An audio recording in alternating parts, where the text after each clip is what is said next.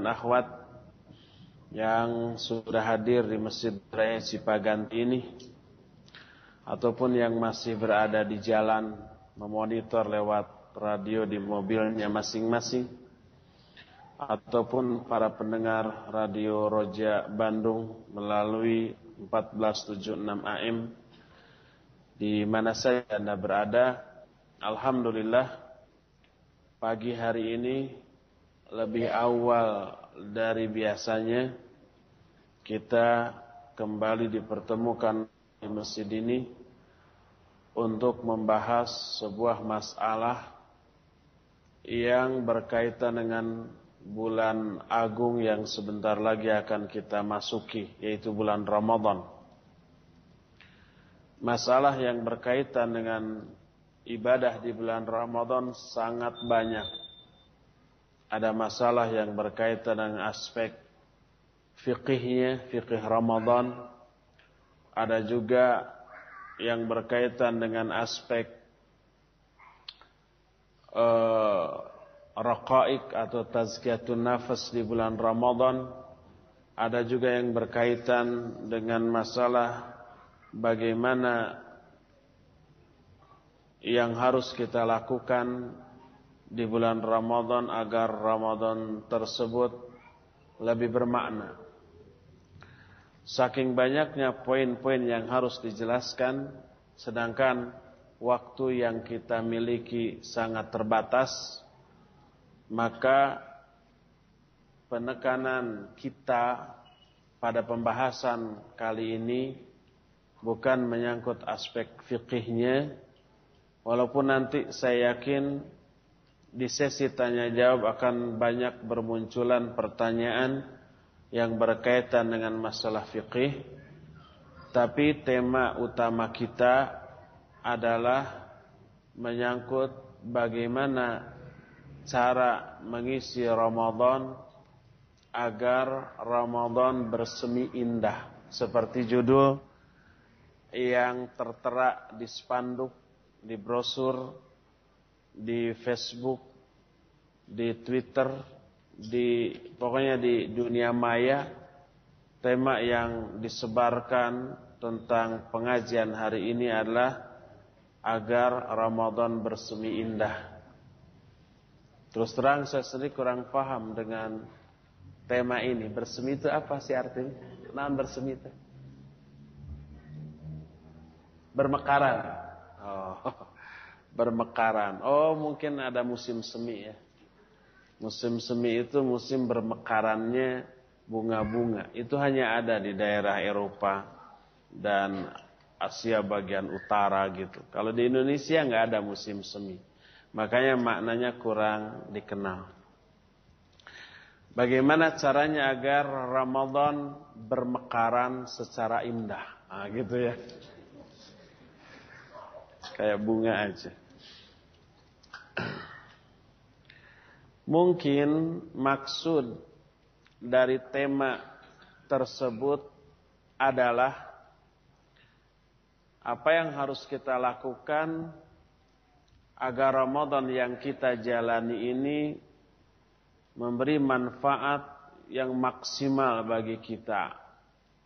Baik manfaat lahir ataupun batin, individu ataupun masyarakat, dunia bahkan sampai ke akhirat. Nah itulah yang dimaksud dengan bersemi indah.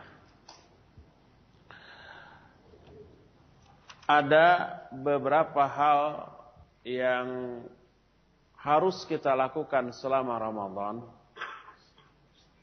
agar Ramadan ini benar-benar menghasilkan manfaat yang maksimal bagi kita.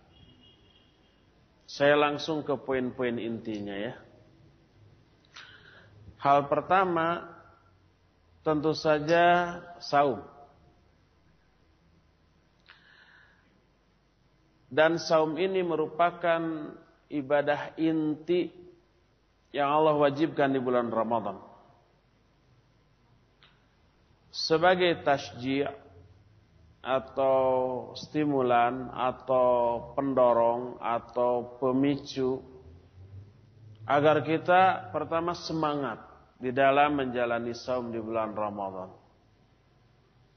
Kedua, tidak mengeluh dengan penderitaan yang kita alami selama saum di bulan Ramadan. Bahkan menjadikan semua penderitaan itu sebagai sebuah kenikmatan yang kita butuhkan. Bagaimana?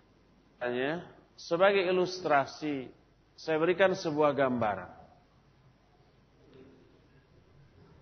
Olahraga hampir disenangi oleh semua orang.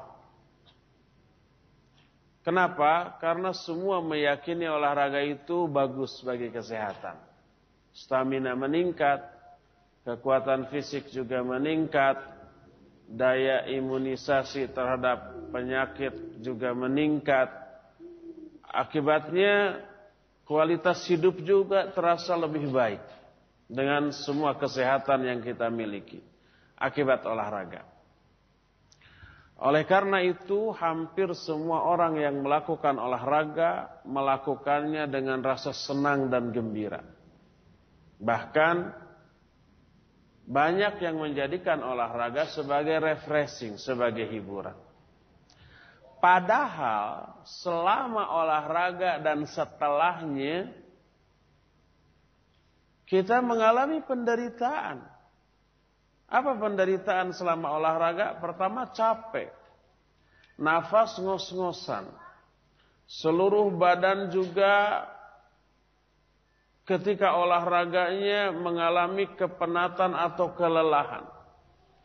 Dan setelahnya merasakan pegal yang luar biasa. Kadang-kadang jenis olahraga tertentu berisiko cedera. Futsal, main bola gitu ya cedera kaki, cedera tangan, kadang ada yang mati di lapangan, ada yang patah tulang, dan seterusnya. Tapi walaupun tahu begitu resikonya, walaupun harus mengeluarkan uang untuk sewa lapangan futsal, mengeluarkan uang untuk beli minuman, membuang waktu sekian jam, semua orang mengagendakan. Padahal di dalamnya ada apa? Ada penderitaan. Kenapa di tengah penderitaannya mereka merasakan kesenangan, kegembiraan, kebahagiaan? Karena mereka yakin di balik penderitaan itu ada manfaat.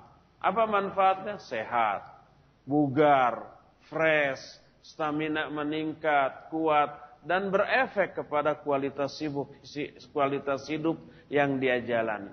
Lebih baik lagi daripada sebelumnya. Itu sebagai gambaran. Nah, saum tidak dipungkiri lagi di dalamnya mengandung unsur masyakkah. Masyakkah itu penderitaan. Kanyeri kaperi.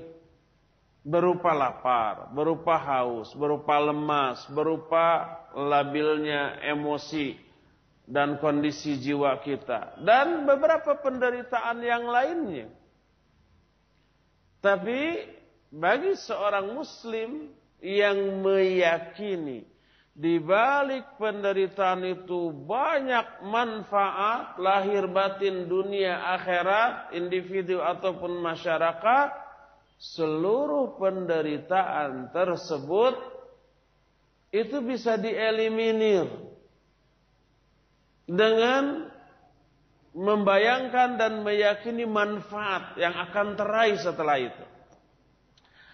Apa saja manfaat yang akan teraih dengan saum banyak sekali. Pertama, adanya maghfirah atau ampunan Allah Subhanahu wa taala yang turun kepada kita.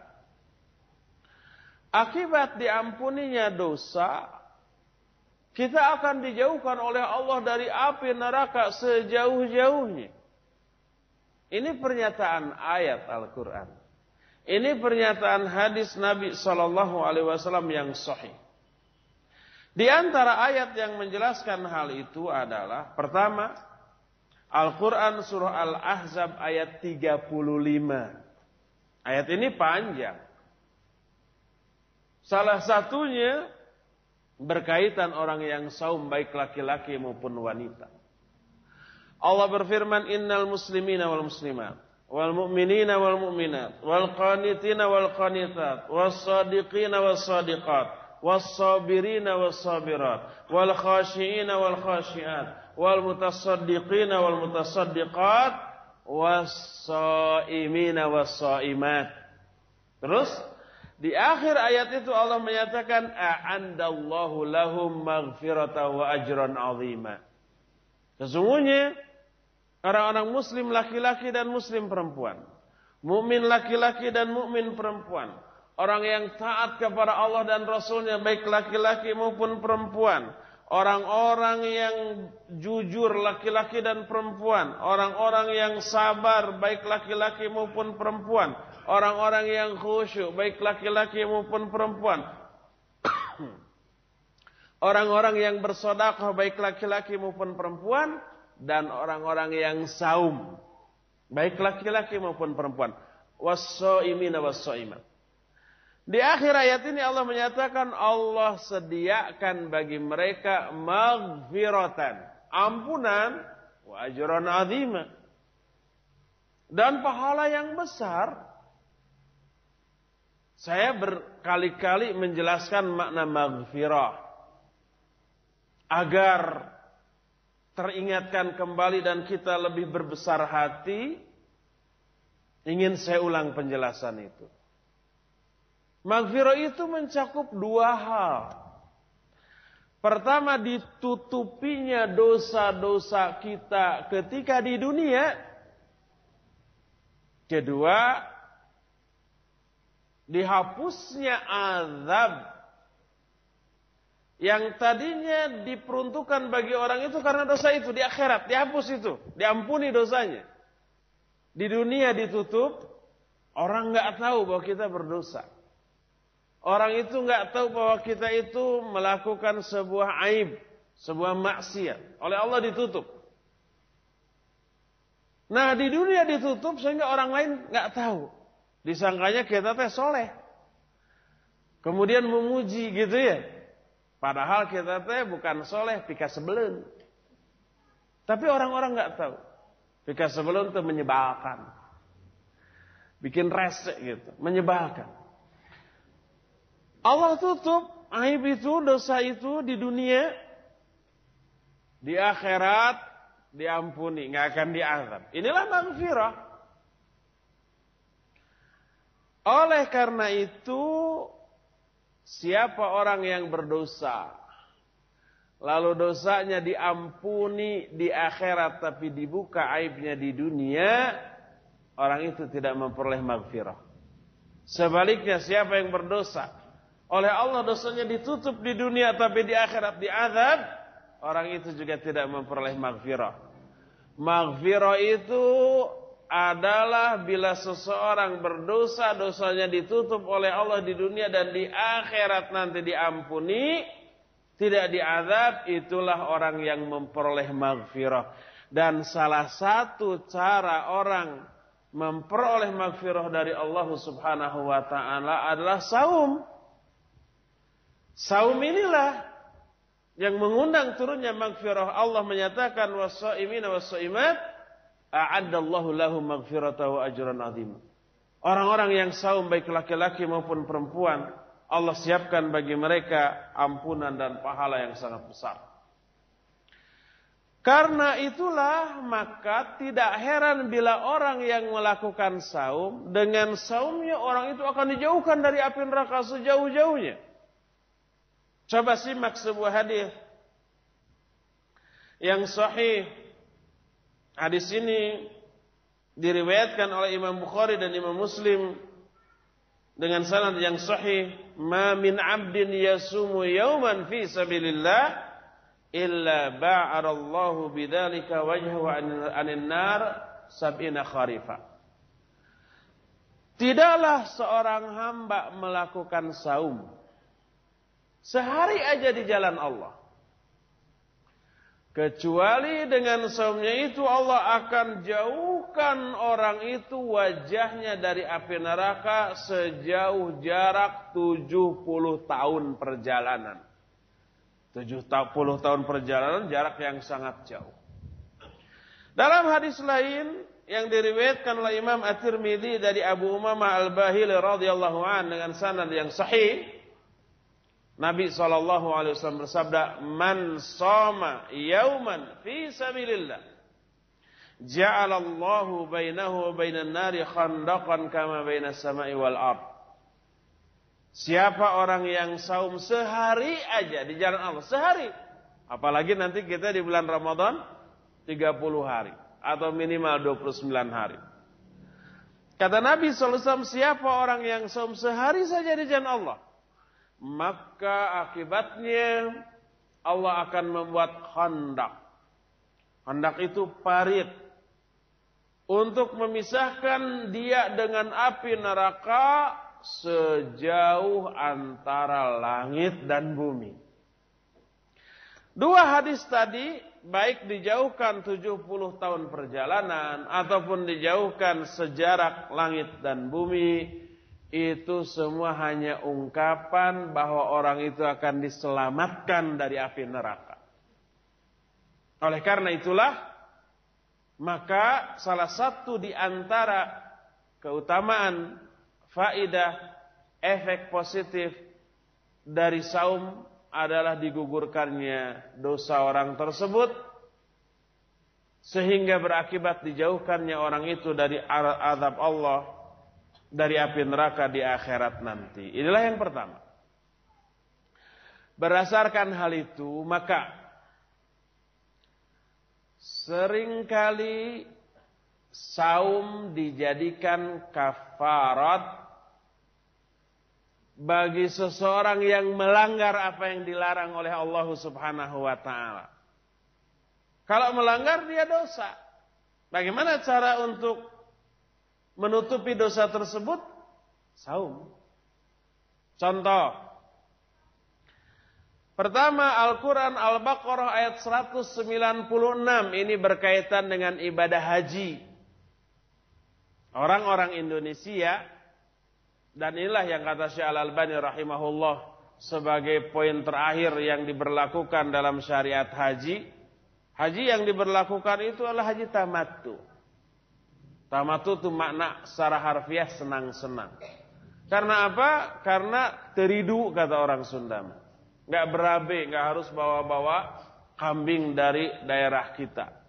Kalau harus bawa kambing dari Indonesia, harus ada pesawat kargo khusus memuat kambing untuk ke, ke Saudi.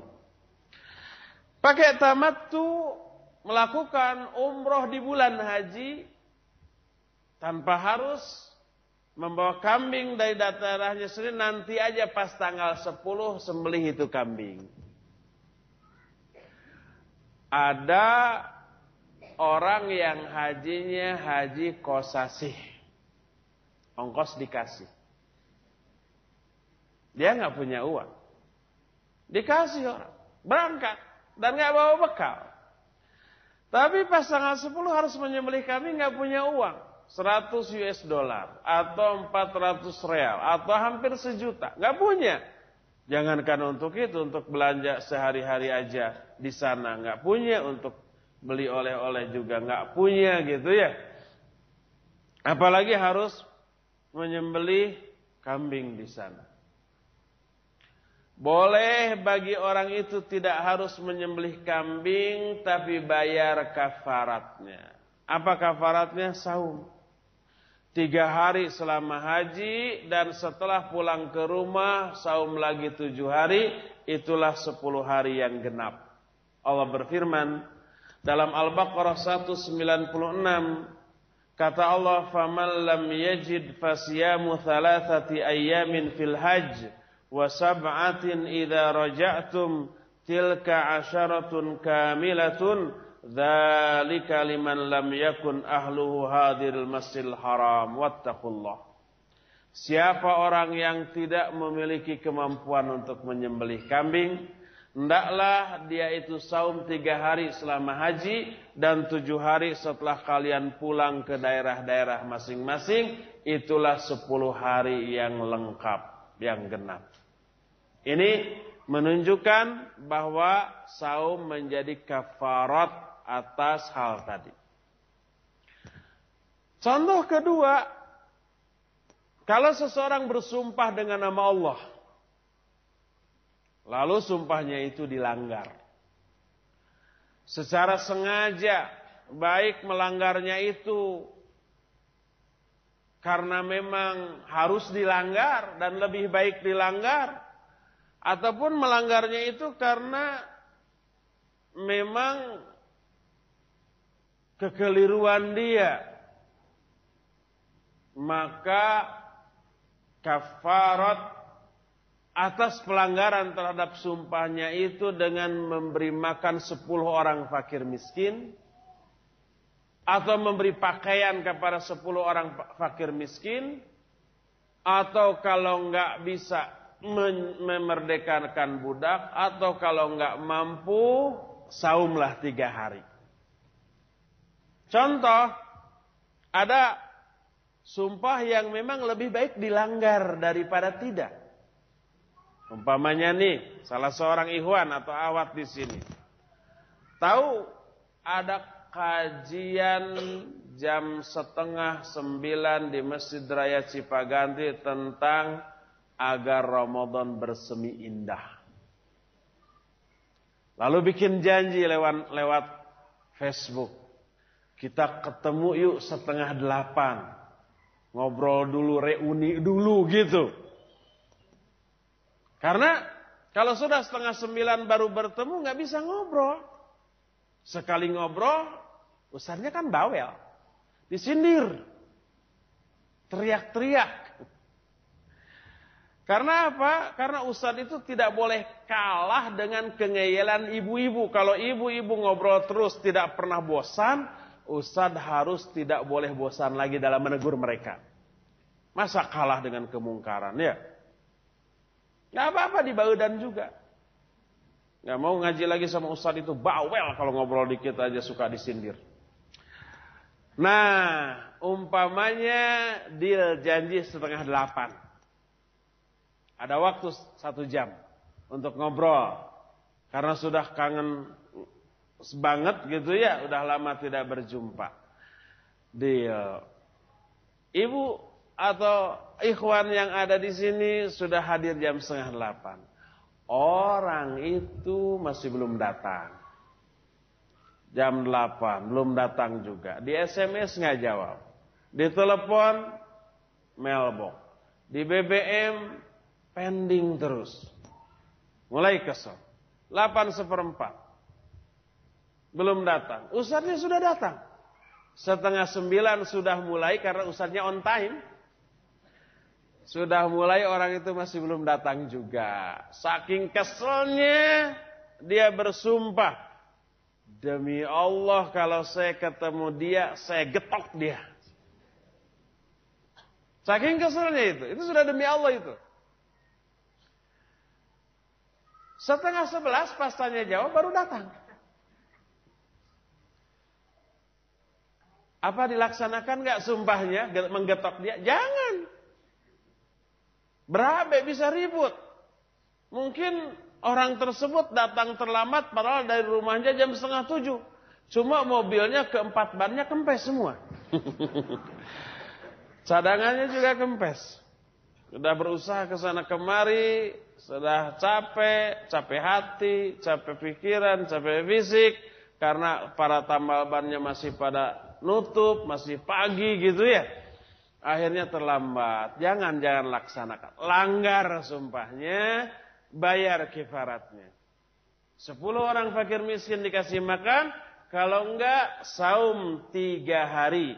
Berdasarkan firman Allah dalam surah Al-Ma'idah ayat 89. Allah berfirman, eh, walakin yu'akhidukum bima aqadtumul aiman fakaffaratuhu it'amu asyratim masakin min awsati ma tut'imuna ahlikum aw kiswatuhum aw tahriru raqabah faman lam yajid fasyamu thalathati ayyam dzalika kaffaratu aymanikum idza halaftum Kata Allah, Allah akan mengadab kamu karena sumpah-sumpah yang kamu langgar.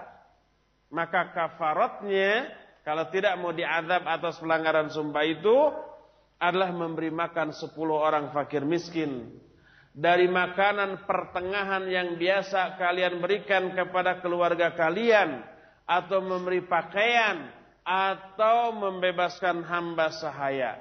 Siapa yang tidak mampu hendaklah dia saum tiga hari dan itulah kafarat atas sumpah-sumpah kalian. Jadi kafaratnya itu sum, uh, apa namanya saum. Karena saum memang penghapus dosa. Ini contoh kedua. Contoh ketiga, nah, ketika seorang suami mendihar istrinya, saking jengkel kepada istrinya gitu ya, mulutnya nggak bisa dikekang, nggak bisa dikendalikan lalu ngomong Sejak saat ini saya tidak akan lagi menyentuh kamu walaupun hanya sedikit. Mau yang alasan? Itu zihar namanya. Disangkanya mau kuat. Sehari kuat, dua hari kuat, tiga hari sudah mulai ngelirik. Empat hari sudah mulai senyum. Dan seterusnya. Maka tidak boleh dia menggauli istrinya. Dengan hari itu. Kecuali setelah melakukan apa yang Allah tetapkan terlebih dahulu. Yaitu membebaskan seorang hamba sahaya. Padahal zaman sekarang nggak ada hamba sahaya. Kalau tidak mampu, saum. Untung saumnya enteng. Cuma dua bulan berturut-turut. Enteng ya, berat. Coba lihat Al-Quran surah Al-Mujadilah ayat 3 dan ayat 4. Allah berfirman, وَالَّذِينَ يُظَاهِرُونَ مِن نِسَائِهِمْ ثُمَّ يَعُودُونَ لِمَا قَالُوا فَتَحْرِيرُ رَقَبَةٍ مِنْ قَبْلِ أَيَّتَمَاسَ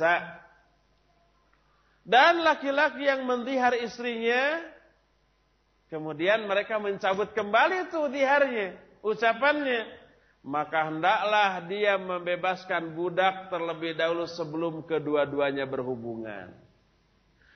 Ayat berikutnya, ayat yang keempatnya, Allah menyatakan, فَمَنْ لَمْ يَجِدْ فَسْيَامُ الشَّهْرَيْنِ مُتَتَابِعَيْنِ مِنْ قَبْلِ أَيَّتَمَاسَ Siapa yang tidak mampu untuk membebaskan budak, hendaklah dia saum dua bulan berturut-turut sebelum bergaul. Beratnya itu selain harus saum juga nunggu dua bulan lagi kan? Wa ma faman lam yastati fa'it'amu sittina miskinan. Siapa yang tidak mampu saum dua bulan berturut-turut, maka hendaklah dia memberi makan kepada 60 orang fakir miskin. Ini agak ringan mungkin. Lebih baik yang ini daripada saum dua bulan berturut-turut. Karena kalau saum harus nunggu dua bulan lagi, tapi kalau memberi makan 60 orang fakir miskin bisa hari itu juga. Asal ada uangnya. Jadi tiga contoh yang dijelaskan dalam tiga ayat tadi menunjukkan saum bisa jadi kafarat. Penghapus dosa bagi orang-orang yang melanggar apa-apa yang Allah tetapkan maka dari sini kita bisa melihat salah satu di antara fungsi saum adalah menggugurkan dosa. Termasuk fitnah alias dosa pelanggaran yang muncul di tengah keluarga. Muncul di tengah pengelolaan harta.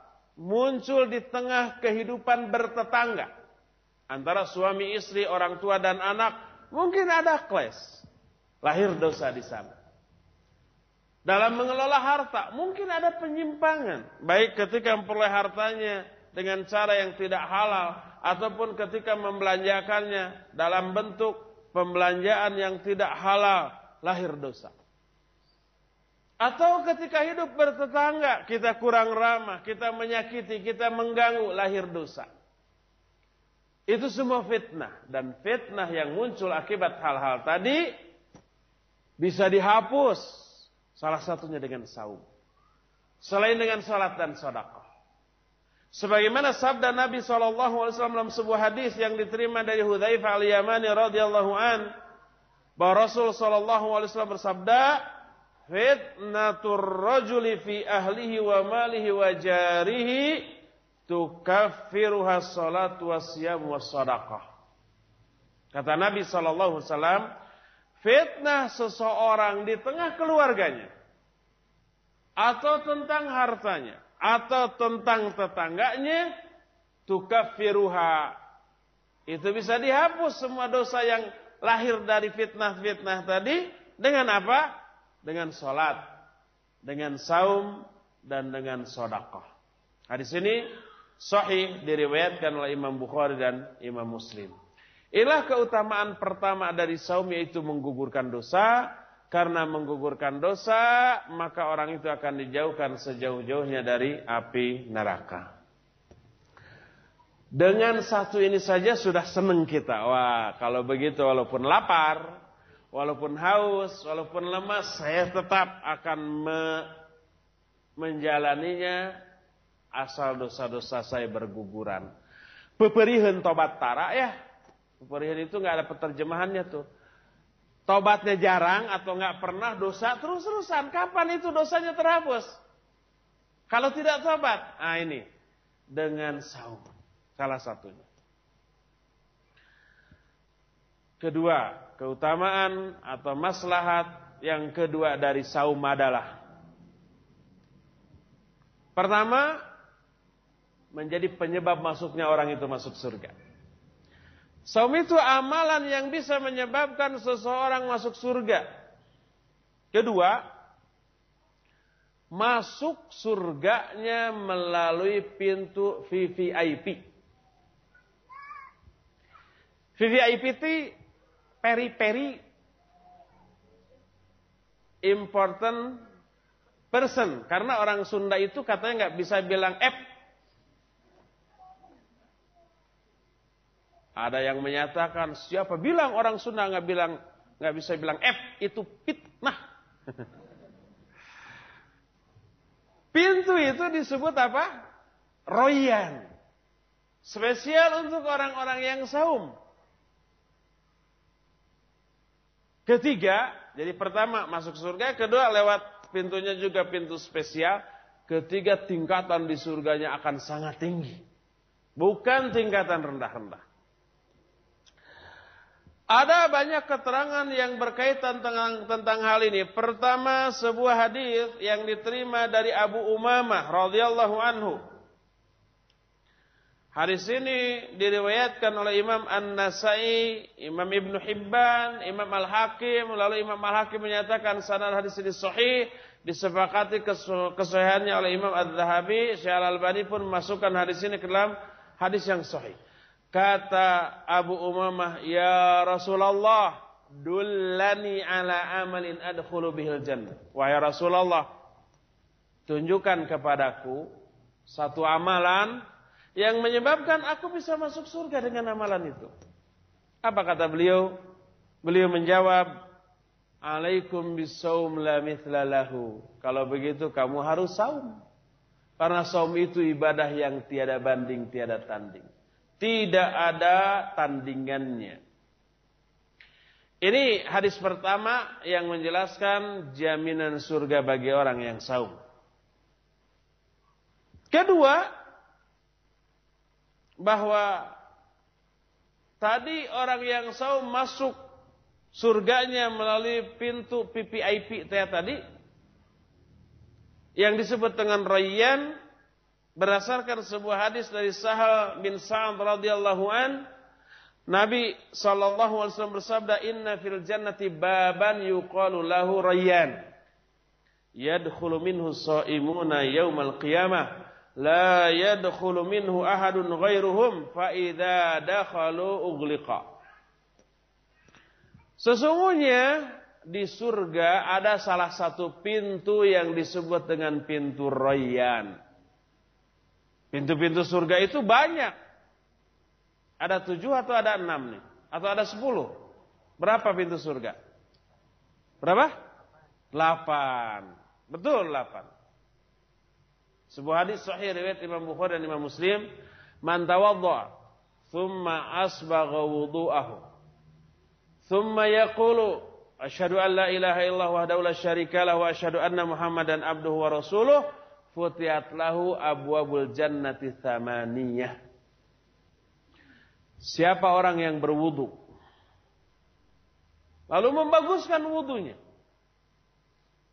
Lalu dia berdoa asyhadu an la ilaha illallah wahdahu la syarika lahu asyhadu anna Muhammadan abduhu wa rasuluh akan dibukakan bagi orang itu delapan pintu surga dan dia boleh memasuki pintu mana saja yang dia suka.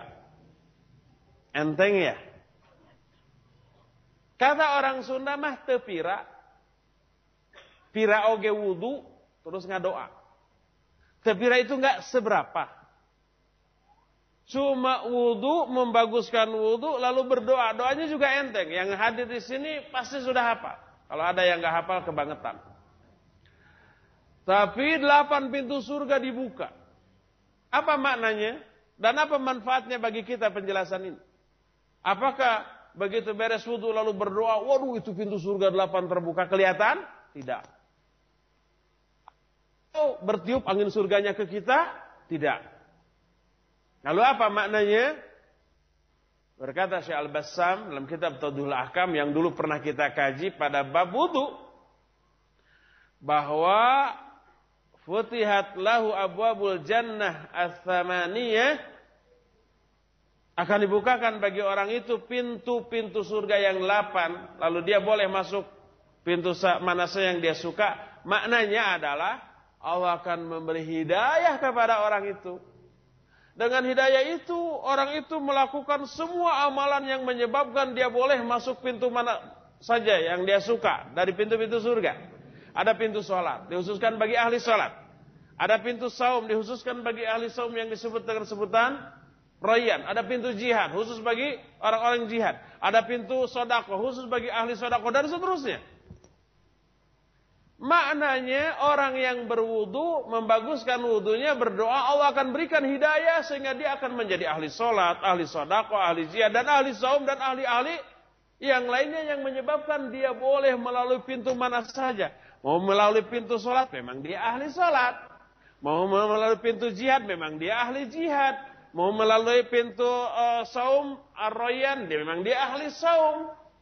Ini menunjukkan berwudu yang merupakan amalan ringan dan enteng lalu membaguskan wudhunya lalu berdoa dengan doa tadi itu merupakan amalan pengundang turunnya hidayah Allah Subhanahu wa taala kepada kita.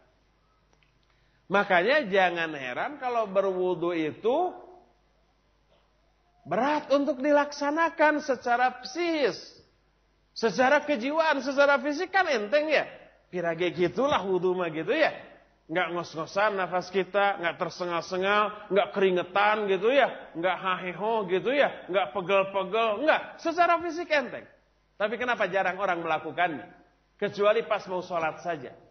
Karena secara psikis itu berat. Dan setan tidak diam dalam hal itu. Oleh karena itu jarang orang yang memelihara wudhunya. Kecuali hanya untuk Sholat saja. Di luar untuk sholat dia tidak pelihara wudhunya. Kebanyakan seperti itu. Itu keterangan tentang bahwa pintu surga itu ada delapan. Nah di antara pintu surga ada pintu khusus untuk orang-orang yang saum yang disebut dengan royan. Kata Nabi saw sesungguhnya di uh, surga ada sebuah pintu yang disebut dengan pintu royan. Orang-orang yang saum masuk melalui pintu itu pada hari kiamat. Tidak ada seorang pun yang bisa masuk ke pintu itu selain mereka. Apabila mereka sudah masuk seluruhnya, maka ditutuplah pintu tersebut. Hadis ini diriwayatkan oleh Imam Bukhari dalam kitab Sahih Bukhari, juga oleh Imam Muslim dalam kitab Sahih Muslim. Inilah keterangan kedua yang menyatakan bahwa masuk surganya orang yang saum melalui pintu yang spesial yang disebut dengan pintu Rayyan. Ketiga, tadi sudah disebutkan selain masuk surga, juga masuk surganya melalui pintu PPIP Ketiganya derajat orang tersebut di akhirat sangat tinggi. Kenapa? Sebab seperti yang dikatakan oleh Imam Ibnu Hajar al-Asqalani rahimahullah dalam kitab Fathul Bari Syarah Sahih Bukhari dalam Kitabul Ilm bab Fadlul Ilm Imam Bukhari dalam kitab sahihnya menukil ayat tentang keutamaan ilmu yang terdapat dalam Al-Mujadil ayat yang ke-11, ya rafa'illahu alladhina amanu minkum utul ilma darajat. Bahwa Allah akan mengangkat orang-orang beriman dan berilmu di antara kalian beberapa derajat. Berkata Imam Ibnu Hajar al-Asqalani, raf'atud darajat likathrati thawab. Ketinggian derajat disebabkan karena banyaknya pahala. Pahala yang tersisa saldo pahala yang tersisa setelah dikalkulasikan dengan dosa. Setiap kita pasti punya pahala, pasti punya dosa. Nanti di akhirat ditimbang tuh. Mana yang lebih berat? Kalau orang itu lebih berat ke pahala, dia selamat. Nggak akan masuk neraka. Allah berfirman, "Wa man thaqulat mawazinu fa ulaika humul muflihun." Atau dalam ayat lain, amma man thaqulat mawazinu fahuwa fi 'isyatir radiyah. Adapun orang yang berat timbangan amal kebaikannya maka dia akan berada dalam kehidupan yang diridhoi. Dosanya ada, ada. Tapi pahalanya lebih besar, lebih banyak. Lalu dosanya gimana? Bukankah Allah berfirman, "Faman ya'mal mithqala dzarratin khairan yarah wa ya'mal mithqala dzarratin syarran yarah?" Kebaikan keburukan sebesar dzarrah, sebesar atom itu akan diperlihatkan, akan dibalas. Kita jawab, "Iya." Tapi itu maksudnya adalah dosa ataupun pahala yang tersisa setelah ditimbang. Umpamanya kalau diukur dengan angka pahala seseorang seribu, dosanya seratus.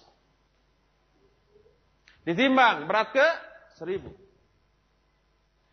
Maka seratus pahala diambil dipakai untuk menghapus seratus kesalahan.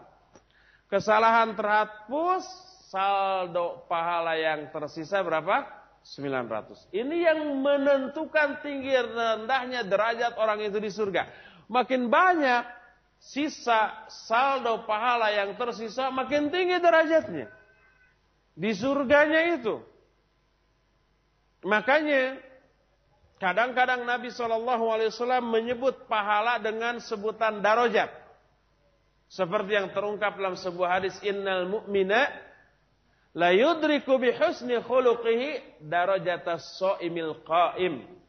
Sesungguhnya seorang mukmin dengan kebaikan akhlaknya dia akan mampu meraih darajatas shaimil qaim maknanya thawabal sawabas shaimil qaim pahala yang diperoleh oleh orang yang saum dan orang yang tahajud disebut oleh Nabi dalam hadis itu dengan sebutan darajatas so'imil qaim. Maksud darajat di sana pahala. Karena pahalalah yang menentukan tinggi rendahnya derajat dia di surga. Orang yang saum pahalanya akan sangat besar. Tuh tadi ayat 35 dalam surah Al-Ahzab yang tadi dibacakan. Wasso'imina wasso'imat. Orang yang saum baik laki-laki maupun perempuan a'adallahu lahum maghfirata wa ajran azim. Allah sediakan bagi mereka ampunan dan pahala yang besar. Ini pertama. Kedua, orang yang saum memadukan seluruh jenis kesabaran. Seluruh jenis kesabaran ada pada dirinya. Sabar itu seperti yang sering kita dengar ada tiga macam. Pertama sabar asobru fi taatillah. Sabar dalam melakukan ketaatan kepada Allah. Maknanya tetap istiqomah. Dalam melakukan ketaatan itu tidak tergoda oleh apa pun, tidak terhalangi oleh apa pun gitu ya. Seperti umpamanya ngaji. Setiap ada pengajian, antum selalu hadir. Apa pun godaan. Hujan nggak jadi halangan. Datang, ada jas mobil. Eh, ada jas hujan. Kalau umpam nggak ada jas hujan, ada angkot. Ada payung. Lalu hadir. Atau umpamanya, aduh pas males-malesnya ini, capek baru aja datang. Sekarang harus hadir lagi. Ah, nggak ada halangan. Capek yang kita alami ketika ibadah itu menggugurkan dosa. Tetap hadir. Ada yang memprovokasi, jangan hadir ke pengajian itu. Itu yang ustadz yang isinya itu sururi itu. Nih, ada CD-nya, ada kasetnya nih. Abu Haidar itu begini, begini, begini. Itu orang baru ngaji ke yang lain bareng beberapa bulan. Tapi merasa lebih tahu daripada orang-orang yang sudah ngaji belasan tahun. Ada yang seperti itu. Ya, akhwat ya. Ngaji datang ke sini. Tapi di sini memprovokasi, jangan ngaji ke sini. Tapi dia datang. Datangnya bukan untuk ngaji, jadi setan aja gitu. Menghalangi orang dari jalan Allah. Yuk ngaji ke ustaz saya di sana. Dia nggak kenal siapa ustadznya. Dia baru kenal beberapa bulan di pengajian. Kalau kita sudah kenal puluhan tahun dengan orang itu. Dan orang itu nggak akan punya muka ketemu dengan kita. Seperti itu. Nah, tidak tergoda dengan hal itu. Tetap ngaji. Itu istiqamah di atas ketaatan dan itu sabar di atas ketaatan. Kedua, sabar dalam menjauhi semua yang dilarang. Dan yang ketiga, sabar di dalam menerima musibah. Itu tiga jenis kesabaran. Tiga jenis kesabaran ini tiga-tiganya ada dalam saum. Sabar di atas ketaatan, iya, saum itu sebuah ketaatan. Sabarlah menjauhi yang dilarang. Iya, kita sabar, tidak makan, tidak minum, tidak menyalurkan syahwat. Bahkan dosa-dosa kemaksiatan lain juga kita jauhi. Sabar dalam menerima musibah karena di dalam saum ada masyakkah, ada penderitaan. Sabar menahan lapar, sabar menahan haus dan seterusnya. Karena itulah maka orang-orang yang saum tidak diragukan lagi mereka termasuk golongan orang-orang yang sabar. Allah berfirman dalam Al-Quran, Innama yuwaffas ajrahum bighairi hisab. Hanyalah orang-orang yang sabar itu diberi balasan ganjaran tanpa hisab. Tanpa hisab itu tanpa dihitung dengan angka, tanpa ditakar dengan takaran, tanpa ditimbang dengan timbangan. Allah itu sering kali menyebut angka ketika memberi balasan atas amalan seseorang. Al-Quran menyatakan manja bil hasanah falahu ashru amthaliha. Siapa orang yang melakukan satu kebaikan, Allah akan balas dengan sepuluh kali lipat. Dia disebut angka sepuluh. Mathalul ladhina yunfiquna amwalahum fi sabillah kamathali habbatin ambatat sab'a sanabil. Perumpamaan orang yang menginfakkan harta di jalan Allah seperti orang yang menanam satu benih. Dari satu benih ini tumbuh tujuh batang. Dari setiap batang menghasilkan seratus benih. Satu benih jadi tujuh batang. Setiap batangnya seratus benih. Jadi kalau tujuh batang, tujuh ratus benih. Satu kali infak dilipat gandakan balasannya tujuh ratus kali lipat. Disebut angka tujuh ratus. Adapun ganjaran bagi orang yang sabar Allah nggak sebut angka bi ghairi hisab tanpa dihisab, tanpa perhitungan, bro-broan gitu ya. Seperti umpamanya kalau kita membagi-bagi makanan, umpah kita punya setumpuk suuk kacang sudah direbus. Nih bagi-bagi datang saliter-liternya liter kecil nih sebungkus sebungkus. Torojol, torojol tuh tiba-tiba datang anak kita minta Apakah hanya dibungkus juga enggak? Nih dirawu sekalian. Dirawu itu di begini. Di apa? Dirawu itu apa? dirawu, rawu bahasa Sunda? Bahasa Indonesia apa? Dirawu nih. Tidak dihitung takaran lagi atau dihitung per biji lagi enggak. Ah, ambil aja semaunya. Kadang-kadang dirawu kusiku. dapatnya cuma dua. itu istilah ngarawu kusiku itu maknanya menginginkan yang banyak tapi dapatnya cuma sedikit ngarawu tapi kusiku gitu ya. Disangkanya mau banyak ternyata cuma dua biji atau satu biji yang kejepit aja. Lebih banyak dirawu kuramo gitu ya. Itu istilah-istilah yang susah diterjemahkan.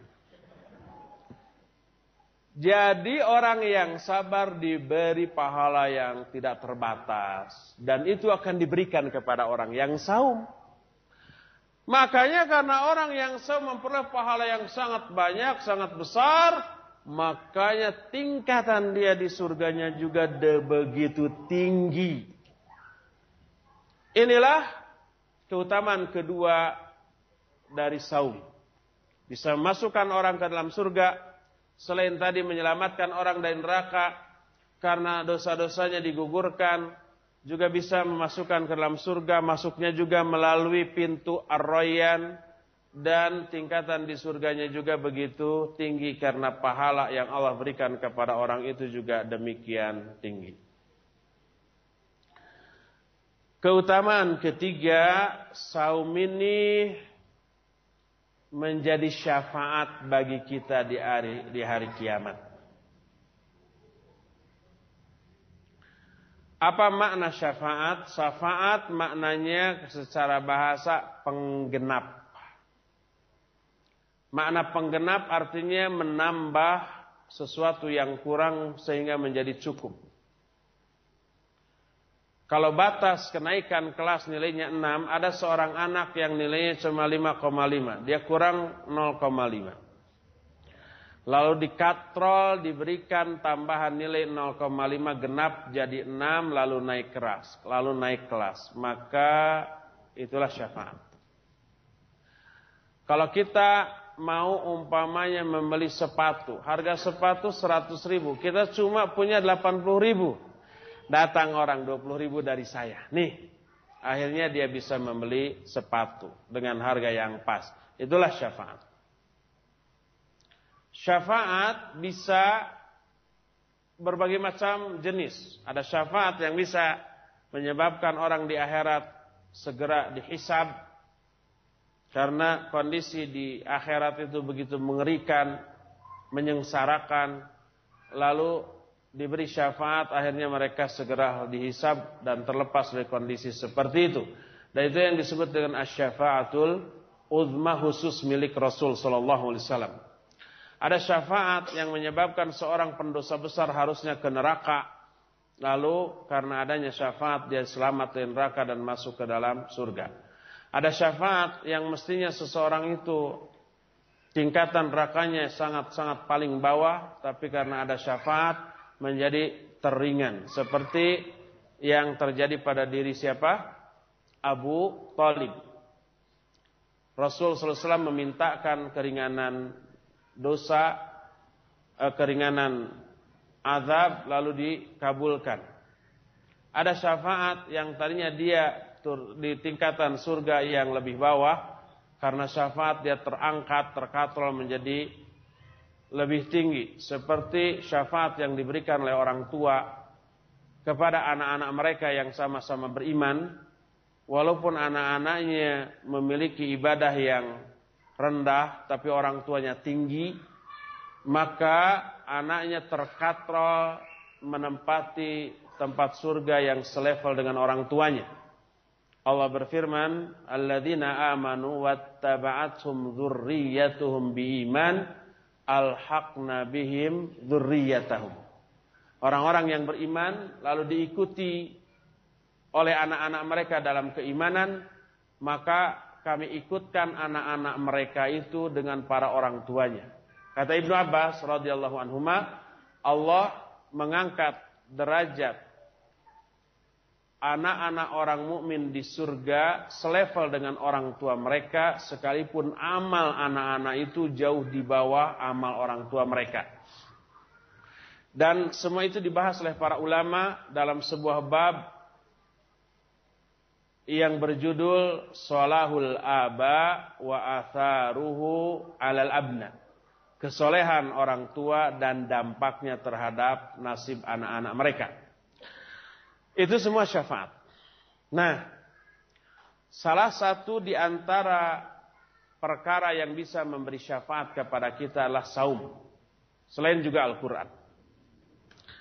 Sebuah hadis, hadis ini diriwayatkan oleh Imam Ahmad, Imam Al-Hakim, Imam Abu Nuaim, Imam Al-Baihaqi dengan sanad yang hasan. Kalau Imam Al-Baihaqi menyatakan hadis ini sahih, bahwa Nabi alaihi salatu wasallam bersabda asyam wal Qur'anu yasfa'ani lil amdi yaumal qiyamah.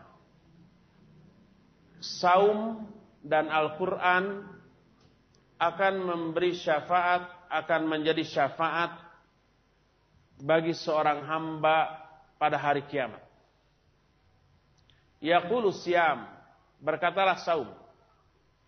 Ay Rabbi, mana'tuhu ta'ama syahawat, fasyafi'ni fihi. Saum akan berkata, Ya Allah, aku telah menghalangi orang ini dari makan dan syahwat. Jadikan aku sebagai syafaat bagi orang ini. Yaqulul wa yaqulul Quran berkata pula Al-Quran. Rabbi mana'tuhun nauma bil lail. Fasyafi'ni fih. Ya Allah, kata Al-Quran, aku telah menghalangi orang ini dari makan, eh dari tidur sepanjang malam karena membaca aku. Jadikan aku sebagai syafaat. Maka fayashfa'an kedua-duanya menjadi syafaat bagi orang tersebut. Timbul pertanyaan, apakah hadis ini menjadi dalil yang menyatakan bahwa Al-Quran itu makhluk? Sebab tadi mengatakan Quran berkata, Ya Robbi, Ya Allah. Aku telah menghalangi orang ini dari tidur sepanjang malam. Kalau dia mengatakan Ya Allah, Ya Rob, berarti dia marbub. Sebab makna Rob adalah khalik, marbub artinya makhluk. Apakah demikian? Dijawab oleh Imam At-Tirmidzi, tidak. Karena apa? Karena pertama kalau hadis ini dijadikan sebagai dalil bahwa Quran itu makhluk itu bertolak belakang dengan ayat-ayat lain yang menyatakan Quran itu kalamullah. Kalamullah itu sifat Allah dan sifat Allah itu sama dengan zat Allah dan itu bukan makhluk. Makanya boleh kita berlindung kepada kalimat-kalimat Allah, kepada kalamullah. Seperti kalau kita memasuki daerah yang kita anggap angker, kita disyariatkan membaca a'udzu bi kalimatillahi tamati min syarri ma Aku berlindung bukan kepada Allah berlindung tapi kepada kalimat-kalimat Allah yang maha sempurna. Dan itu boleh. Karena kalimat-kalimat Allah adalah sifat Allah dan sifat Allah sama dengan zat Allah dan itu bukan makhluk. Lalu kalau Al-Quran bukan makhluk, kenapa tadi Al-Quran berkata, Ya Rabbi. Dijawab oleh Imam At-Tirmidzi, maknanya adalah qala siam berkata saum maksudnya qala thawabun min amali siam. Berkata pahala dari amalan saum. Saumnya sendiri karena merupakan amalan tidak bisa bicara. Tapi pahala yang dihasilkan dari sana nanti menjelma. Wa yaqulul Quran berkata Al-Quran maknanya wa yaqulu thawabu qiraatihi. Berkata pahala dari hasil membaca Al-Quran. Yang berkatanya bukan Quran, tapi maknanya adalah pahala dari membaca Al-Quran. Karena Ibnu Abbas radhiyallahu anhu menyatakan wa kullu thawabi a'malil ibad mujassimatun yaumal qiyamah seluruh pahala dari amalan-amalan hamba kelak di akhirat itu menjelma. Jangankan di akhirat. Setelah kiamat, sebelum kiamat di alam kubur itu sudah menjelma. Sebagaimana hadis sahih riwayat Bukhari dan Muslim dari Al-Bara bin Azib radhiyallahu an ketika Nabi sallallahu alaihi wasallam selesai menguburkan jenazah seorang sahabat Ansor, beliau duduk di pekuburan itu. Dan duduknya dipastikan tidak menduduki kuburannya. Karena itu terlarang. melangkahi, menduduki, tidak boleh. Para sahabat pun duduk. Ka'anna ala ru'usim gharban minas sakinah. Seolah-olah di atas kepala mereka ada burung. Jadi seolah-olah di atas kepala mereka ada burung, itu peribahasa, ungkapan. Yang maknanya mereka tunduk tak bergerak. Tak goyang-goyang. Goyang dikit burungnya nanti terbang gitu. Dalam bahasa kita, bahasa Sunda maksudnya, ungkapan itu diterjemahkan dengan siga buuk menang mabuk. Buuk itu artinya apa? Burung hantu. Mabuk itu digebuk. Kayak burung hantu habis digebuk. Itu aja. Saya nggak tahu apakah burung hantu kalau digebuk begitu atau enggak. Wallahu alam belum pernah nyoba. Cuma ini peribahasa dalam bahasa Sunda. Maneh nangluk tungkul si gabuk menang mabuk. Itu. Dalam bahasa Arab disebut seolah-olah di atas kepala mereka ada burung. Dalam bahasa Indonesia tidak ada ungkapan itu. Mereka tertunduk. Tertunduk. Sudah aja hanya tertunduk. Tidak berani menengadahkan. Nggak ada ungkapan yang pas. Yang indah. Dalam bahasa Arab ada, dalam bahasa Sunda ada. Makanya lebih pas bahasa Arab itu terjemahkan dalam bahasa Sunda.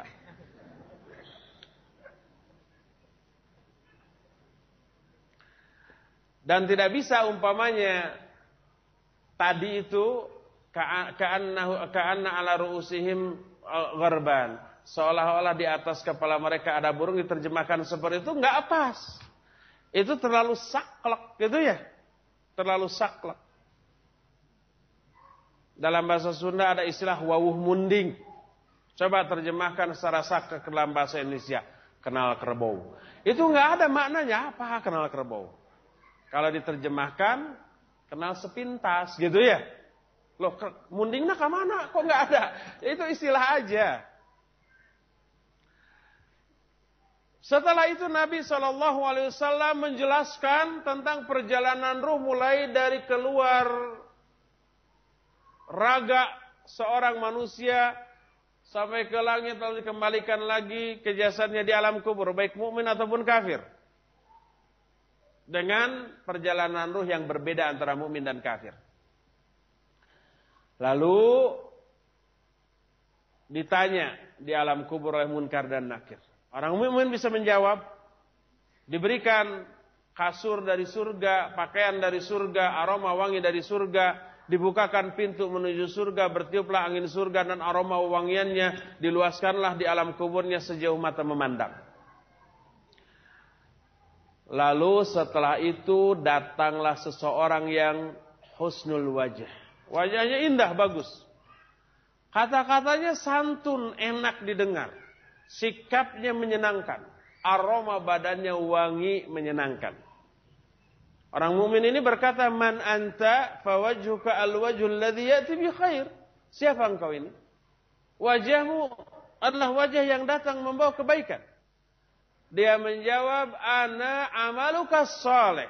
Wallahi ma alimtuka illa annaka sari'un fi ta'atillah wa bati'un fi maksiatillah fajazakallahu khaira. Aku amal solehmu dulu waktu di dunia. Demi Allah aku tidak mengenalmu ketika di dunia. Kecuali engkau adalah orang yang bersegera dalam melakukan kebaikan. Tapi lelet dalam melakukan kemaksiatan.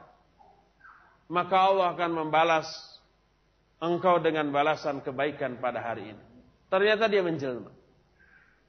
Adapun orang kafir yang datang itu orang yang buruk wajahnya, hitam, bau, galak, rese, menyebalkan. Itu akan terus menemani dia sampai hari kiamat. Nah itu sebagai bagian dari azab kubur bagi dia. Jadi di alam kuburnya aja udah menjelma. Dan begitu juga di akhirat nanti. Oleh karena itu wayaqulul Quran berkata Al-Quran maknanya wayaqulu thawabu qiraatihi. Berkata pahala dari bacaan Quran yang nanti akan menjelma, ya Allah, dulu aku menghalangi orang ini dari tidur pada malam hari, maka jadikan aku sebagai syafaat bagi orang itu, lalu dia pun menjadi syafaat. Inilah Keutamaan saum yang ketiga bahwa saum itu akan menjadi syafaat bagi kita pada hari kiamat nanti. Dan banyak lagi keutamaan-keutamaan saum yang lainnya yang apabila kita beberkan habis waktu untuk itu. Padahal poin-poin lain yang harus kita bahas juga sangat-sangat banyak. Jadi inilah hal pertama yang harus kita isikan di dalam Ramadan kita agar Ramadan kita bersemi indah. Kedua, yang juga harus kita lakukan di bulan Ramadan agar Ramadan bersemi indah adalah qiyamur Ramadan. Makna qiyamur Ramadan adalah salat malam di bulan Ramadan. Salat malam ini merupakan amalan yang tidak bisa dipisahkan dari manusia-manusia hebat para nabi, para rasul, apalagi, apalagi Nabi Muhammad SAW, tidak pernah walaupun sekali saja meninggalkan salat malam. Kata Aisyah, la tada qiyamal lain. Fa inna Rasul sallallahu alaihi wasallam kana la yadda'uhu wa kana idza marida aw kasala shalla qa'ida. Jangan kalian tinggalkan salat malam. Karena sungguhnya Nabi SAW tidak pernah meninggalkan.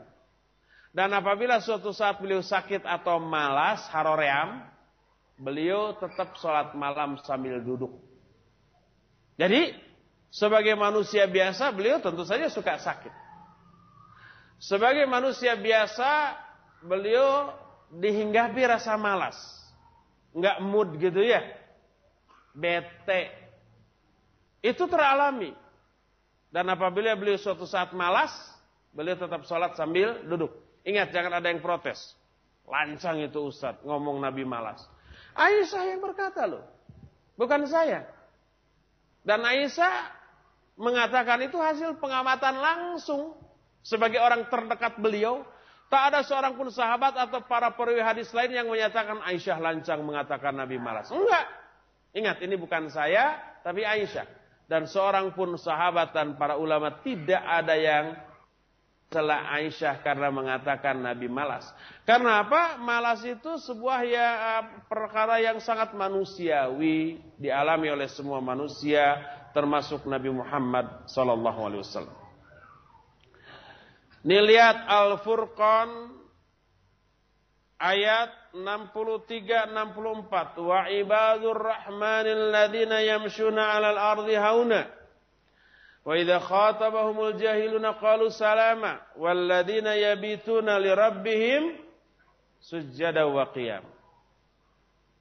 Ibadur Rahman lah orang-orang yang apabila berjalan di muka bumi mereka berjalannya tidak sombong, rendah hati. Bila dikata-katai oleh orang jahil mereka menjawab dengan jawaban yang mengandung keselamatan.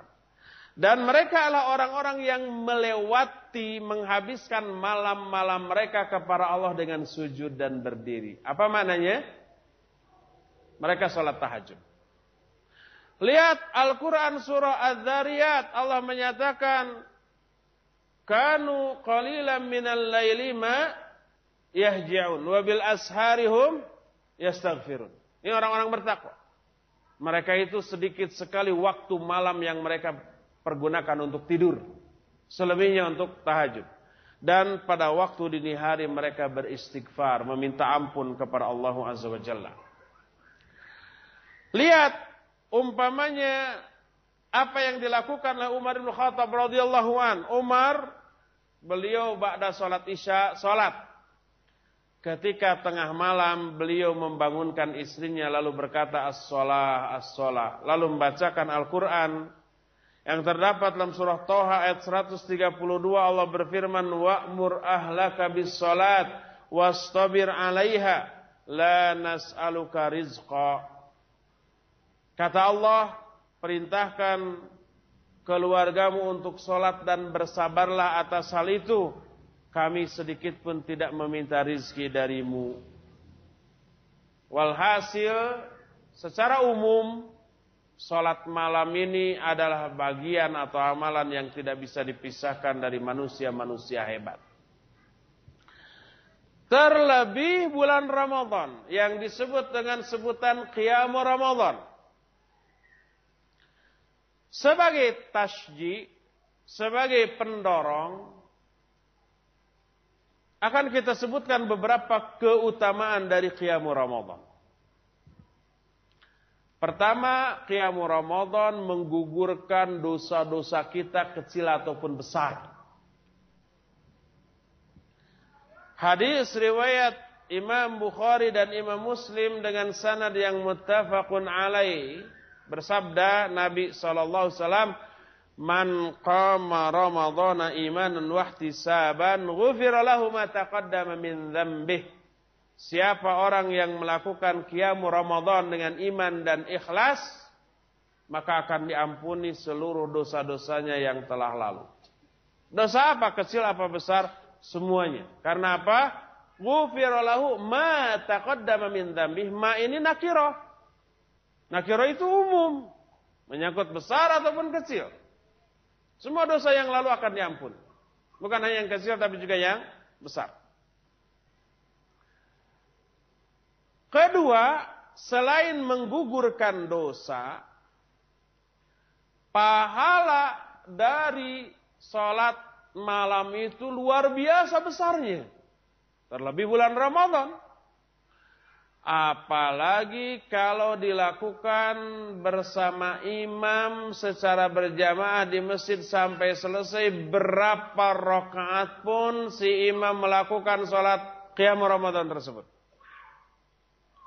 Walaupun hanya sebentar, setengah jam selesai, pahala yang Allah berikan sama dengan sholat semalam penuh, semalam suntuk. Kalau semalam umpamanya ada 8 jam, atau 10 jam, setengah jam kita pakai untuk Qiyamul Ramadan bersama imam sampai selesai. Tapi pahala yang Allah berikan sama dengan sholat 10 jam tadi. Sebagaimana sebuah hadis yang diriwayatkan oleh ashabus sunan. Ashabus sunan itu empat imam. Kadang-kadang disebut ashabus sunan, kadang-kadang disebut empat imam.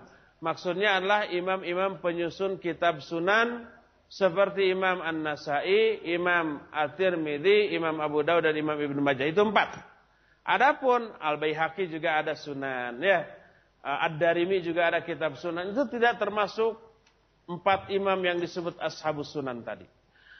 Hadis ini sahih yang menyatakan man qama ma'a imamihi hatta yansarifa kutiba lahu qiyamul lailah Siapa orang yang melakukan qiyamul Ramadan bersama imam sampai selesai akan dicatatkan bagi orang itu seolah-olah orang tersebut salat salat semalam penuh. Salatnya setengah jam, catatan yang Allah perintahkan kepada para malaikat pencatat dicatat bahwa orang itu salatnya semalam penuh. Dulu para sahabat, iya sholatnya semalam penuh benar. Nih lihat. Ada sebuah ayat dalam surah Az-Zumar ayat yang ke-9.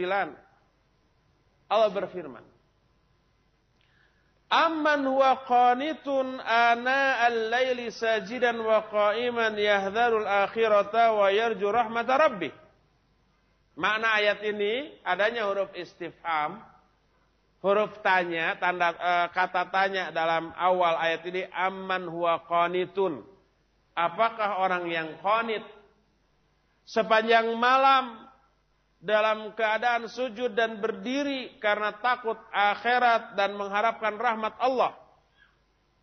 Apakah orang itu yang lebih baik atau orang yang tidak ibadah sama sekali? Tentu saja ini lebih baik.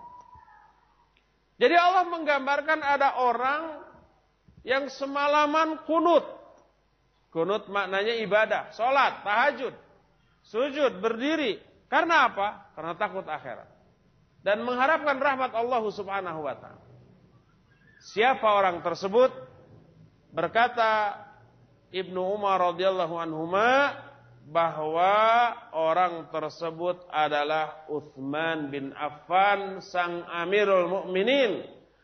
Kenapa dikatakan demikian? Dzalika likasrati salati Amirul Mukminin Uthman bin Lail wa qira'atahu hatta innahu rubbama qara'a Qur'ana fi raq'atin wahidatin kullahu. Hal itu disebabkan karena rajinnya Amirul Mukminin Utsman bin Affan melakukan sholat malam sehingga kadang-kadang dalam satu malam beliau hanya sholat satu rakaat tapi di satu rakaat ini menghabiskan seluruh bacaan ayat Al-Quran dari Al-Fatihah sampai An-Nas dengan tengah-tengahnya. Bukan Al-Fatihah langsung ke Anas. Jadi setelah Al-Fatihah baca surat Alif Lam Mim. Dzalikal kitabu la raiba fihi hudal muttaqin. Dan seterusnya setelah beres Al-Baqarah terus ke Ali Imran terus ke An-Nisa terus ke Al-Maidah dan seterusnya sampai akhir surat. Sampai ke An-Nas. Satu rakaat. Habis semalaman tentu saja. Dan itu tiap malam dilakukan oleh Utsman.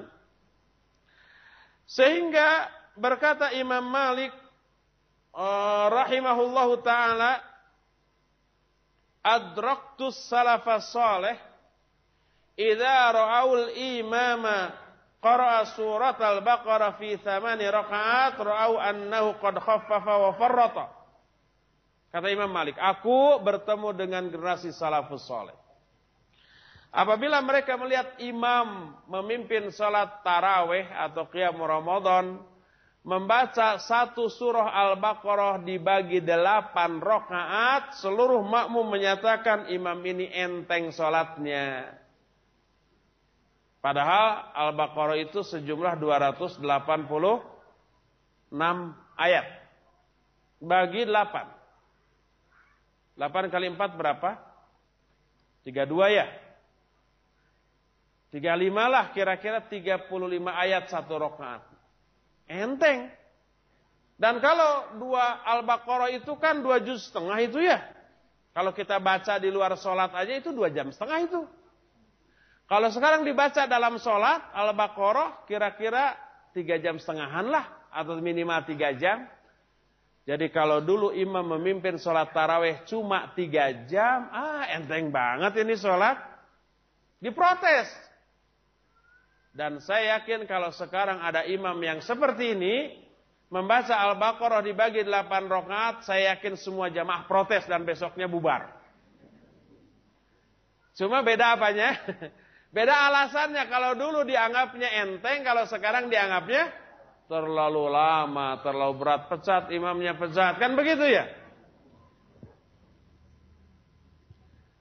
Kalau memang tiga jam enteng, berapa jam dulu mereka disebutkan dalam sebuah hadis dari Sa'id bin Zaid.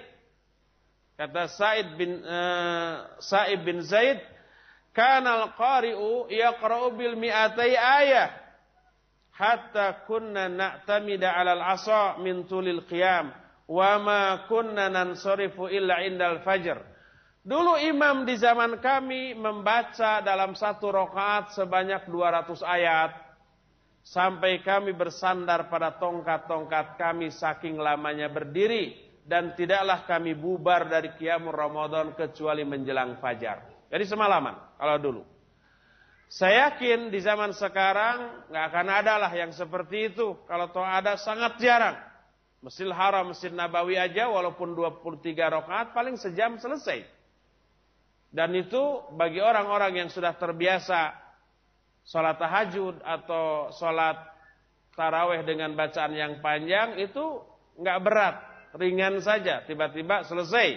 Karena bacaan imamnya bagus, jadi senang mendengarnya, ya tiba-tiba loh kok sudah 23 lagi gitu ya. Bisa begitu. Tapi walaupun hanya sejam atau sekarang di masjid-masjid pada umumnya setengah jam kurang juga udah selesai, kalau kita melakukannya bersama imam sampai selesai, maka dicatat bahwa seolah-olah kita sholat semalam suntuk. Inilah yang kedua yang harus kita lakukan, hidupkan malam-malam Ramadan kita dengan qiyam Ramadan. Ketiga, perbanyak sodakoh. Karena sodakoh di bulan Ramadan itu seafdol-afdol sadaqah. Sebagaimana hadis yang diriwayatkan oleh Imam At-Tirmidzi Afdalus sadaqah sadaqatun fi Ramadan. Seutama-utama sadaqah adalah sadaqah di bulan Ramadan. Oleh karena itu Nabi karena ajwadan nas wa ajwadu ma fi Ramadan. Beliau orang yang paling dermawan. Jadi tukang tutulung kanu butuh tatalang kanu susah meremaweh kapapada manusia. Tapi lebih dermawan lagi apabila sudah memasuki bulan Ramadan. Kebaikan beliau di bulan Ramadan lebih sering dibanding tiupan angin di musim gugur. Di sini nggak ada musim gugur. Tapi di daerah negara-negara yang ada musim gugur, angin itu selalu bertiup kenceng itu.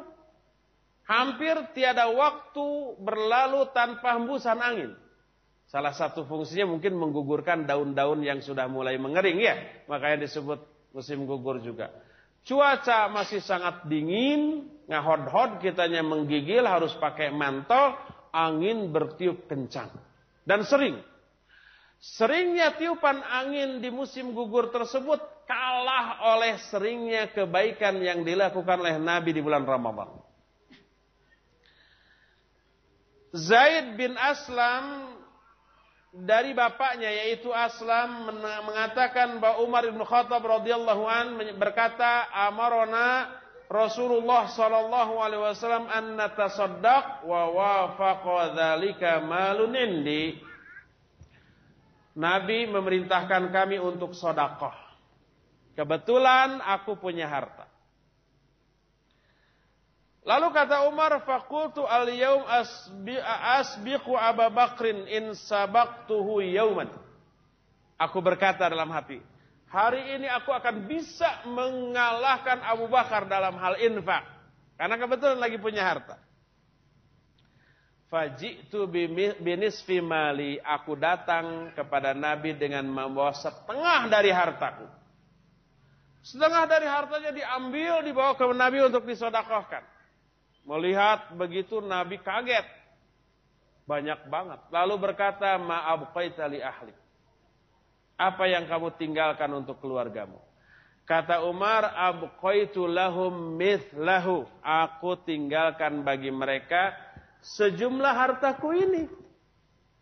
Jadi, kan dibagi dua ya. Setengahnya untuk keluarga, setengahnya disodakohkan melalui Nabi Sallallahu Alaihi Wasallam.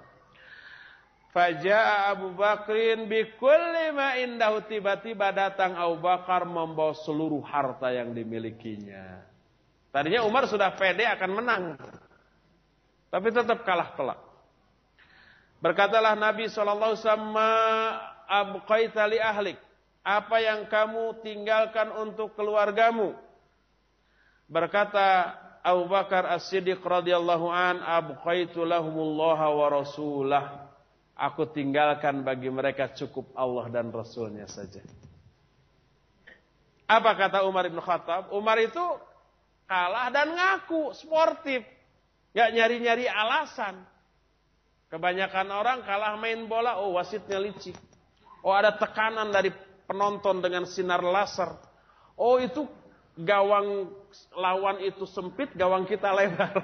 ah dicari-cari alasan-alasan yang gak masuk akal. Umar enggak sportif. Apa kata Umar? La usabiquka ila syai'in abadan. Aku tidak akan pernah menang melawan wahai Abu Bakar selama-lamanya. Udah ngaku kalah deh. Sportif itu. Ada seorang namanya Tolha bin Yahya bin Tolha. Tolha putra Yahya, Yahya putra Tolha. Kok bisa? Ya bisa karena kakek dan cucu namanya sama-sama Tolha. Jadi ada Tolha seorang sahabat. Namanya Tolha. Punya anak diberi nama Yahya. Nah Yahya punya anak lagi, anaknya ini diberi nama Tolha lagi. Jadi kakek dengan cucu ini nama sama empat, sembilan. Dua belas dengan sembilan nol. Nol sembilan. Nolnya ada sembilan berapa? 12 miliar. Dibagi itu. 12 miliar sekarang bisa beli 4 rumah, 4 mobil dengan perabotannya yang lengkap, dengan isinya yang lengkap. Masing-masing 3 miliar saja sudah mewah dengan mobil perabotan plus masing-masing pembantu. Nah itu. Tapi semuanya dibagi sampai habis. Inilah kehebatan para sahabat dalam hal infak dan sodako. Karena apa? Karena kekuatan iman. Terlebih di bulan Ramadan, adapun di bulan Ramadan yang sangat-sangat dianjurkan dalam bentuk infak pertama adalah banyak-banyak melakukan infak dan sodakoh secara umum kepada kerabat yang miskin, kepada fakir miskin, kepada fisabilillah, kepada kepentingan dakwah, kepada fasilitas-fasilitas yang digunakan untuk kepentingan dakwah, masjid, madrasah, pesantren, daurah dan yang sejenisnya. Itu jadi amal jariah ngalir terus. Ngalirnya apa? Ngalirnya sebanyak pahala kapan? Sebanyak pahala ketika itu disalurkan. Kalau itu di bulan Ramadan dan itu gede, berlipat, maka yang mengalir terus pahala Ramadan. Walaupun setelah Ramadan usai berlalu gitu ya. Apa yang disodakokannya itu masih berlangsung, maka tetap pahalanya sama dengan pahala waktu kita infak di bulan Ramadan tersebut. Jadi gede. Ini yang pertama.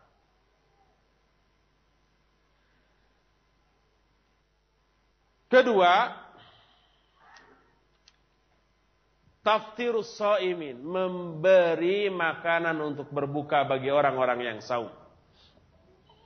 Apa akibatnya? Pertama, orang itu memperoleh pahala yang sama dengan pahala saum. Kalau kita memberi makan 10 orang yang saum, kita dapat pahala 11 orang yang saum. 10 dari orang-orang yang kita beri makan, satu dari saum kita. Itu pertama. Kedua, menggugurkan dosa yang selama ini ada pada diri kita.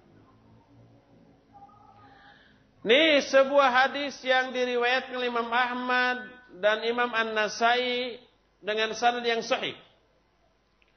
Nabi SAW bersabda, Man fattara sa'iman kana lahu mithlu ajrihi ghaira annahu la yanqusu min ajri sa'imi syai'in. Siapa orang yang memberi makan untuk berbuka bagi orang yang saum, maka baginya akan memperoleh pahala sama dengan pahala orang yang saum tanpa mengurangi pahala orang yang saum itu sedikit pun. Orang yang saum pahalanya tetap utuh, ya. Terus yang memberi makan dapat pahala yang sama dengan pahala orang yang saum itu tanpa mengurangi pahala mereka. Jadi jangan sampai ada anggapan Jangan makan tuh pemberian orang nanti pahala som kita diberikan kepada dia. Enggak. Pahala som kita tetap utuh. Oleh karena itu, tidak memadaratkan dan tidak mendolimi siapa pun. Dalam hadis lain yang diterima dari Salman Al-Farisi radhiyallahu an, Nabi bersabda, "Wa man fattara fihi sha'iman kana maghfiratan wa idqa raqabatihi minan nar." Wa kana lahu mithlu ajrihi min ghairi ayyan min ajrihi syai'un. Siapa orang yang memberi makan untuk berbuka bagi orang yang saum di bulan Ramadan, maka hal itu akan menjadi ampunan atas dosa-dosanya dan pembebasan dari api neraka kelak. Dan dia memperoleh pahala yang sama dengan pahala orang yang saum tanpa mengurangi pahala orang yang saum itu sedikit pun. Kalau para sahabat bertanya, "Ya Rasulullah, laisa kulluna yajidu ma yufattiru bihi shaim." Wahai Rasulullah, tidak semua kita memiliki harta untuk memberi makan orang yang saum untuk berbuka. Bagaimana tuh? Dijawab oleh Nabi sallallahu alaihi wasallam, "Yu'tillahu hadha thawab liman fattara shaiman ala madaqatil labanin au tamratin au syurbati ma'in wa man saqa sa'iman saqahu Allahu min haudi syurbatan la yadma'u ba'daha hatta yadkhulal jannah.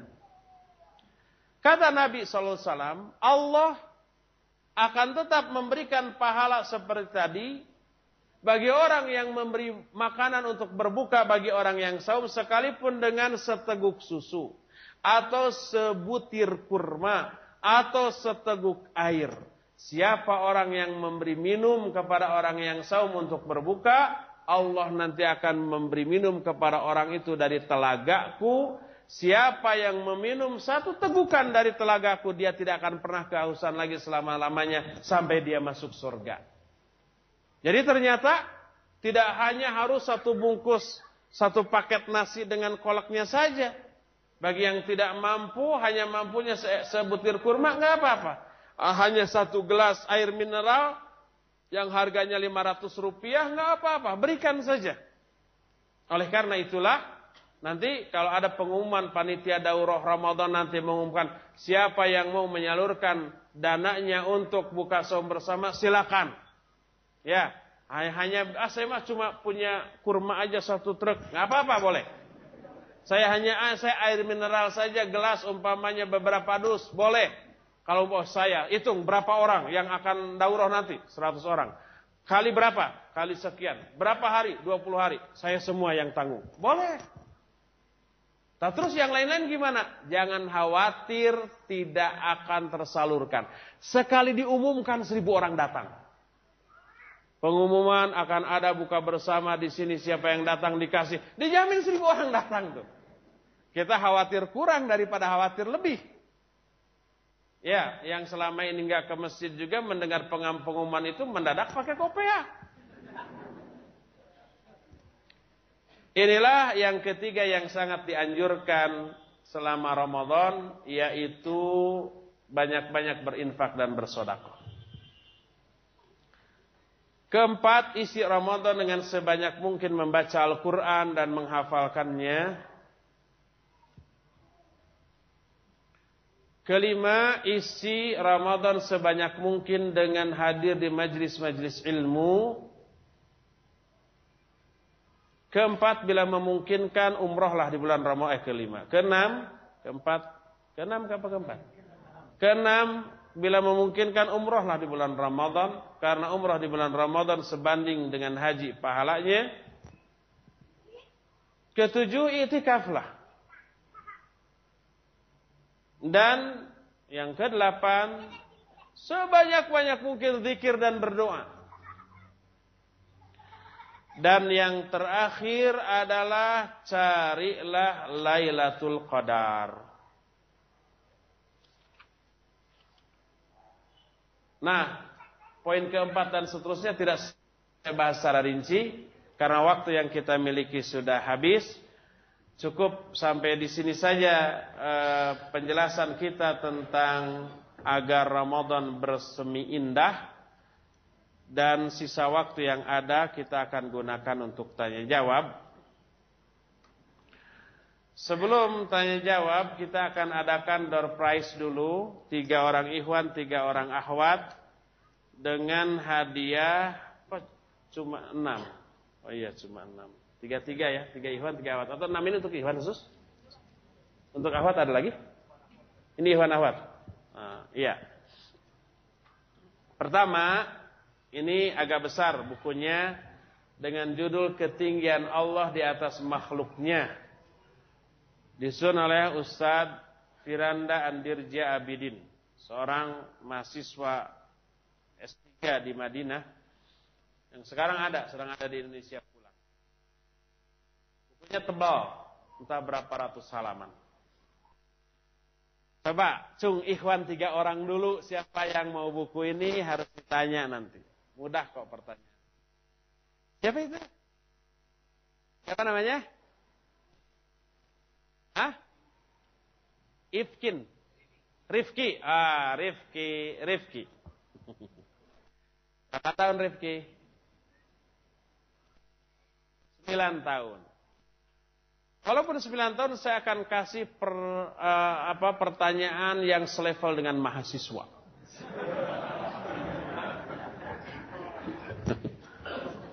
Jawab Rifki ya. Pertanyaannya adalah sebutkan tiga faidah saum. Satu. Ayo. Jangan lihat catatan. Ayo. Apa manfaat saum? Penghapus dosa. Satu. Dua.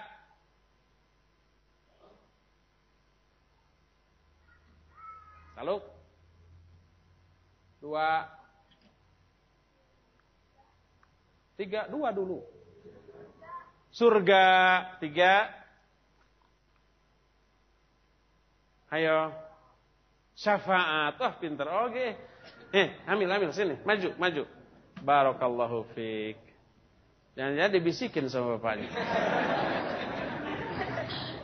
Cung lagi. Siapa namanya? Hamas. Hamas. Kalau nggak salah di Palestina Hamas.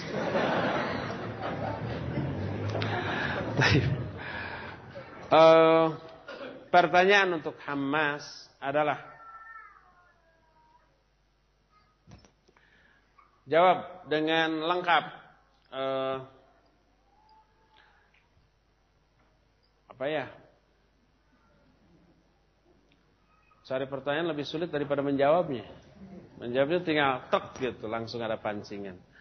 Pertanyaan untuk Hamas adalah Sebutkan faidah dari qiyam Ramadan. Satu, penghapus dosa. Dua, Semalam suntuk. Satu lagi. Karang sendiri.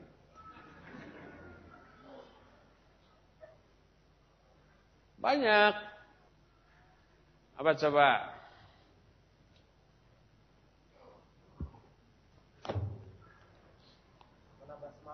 Ah, menambah semangat boleh lah. Barokah. Semangat apa? Untuk nikah, untuk ibadah, untuk terakhir. Cung, cung, cung. Berapa siapa? Ruby. Obi, Obi. Baik, Obi.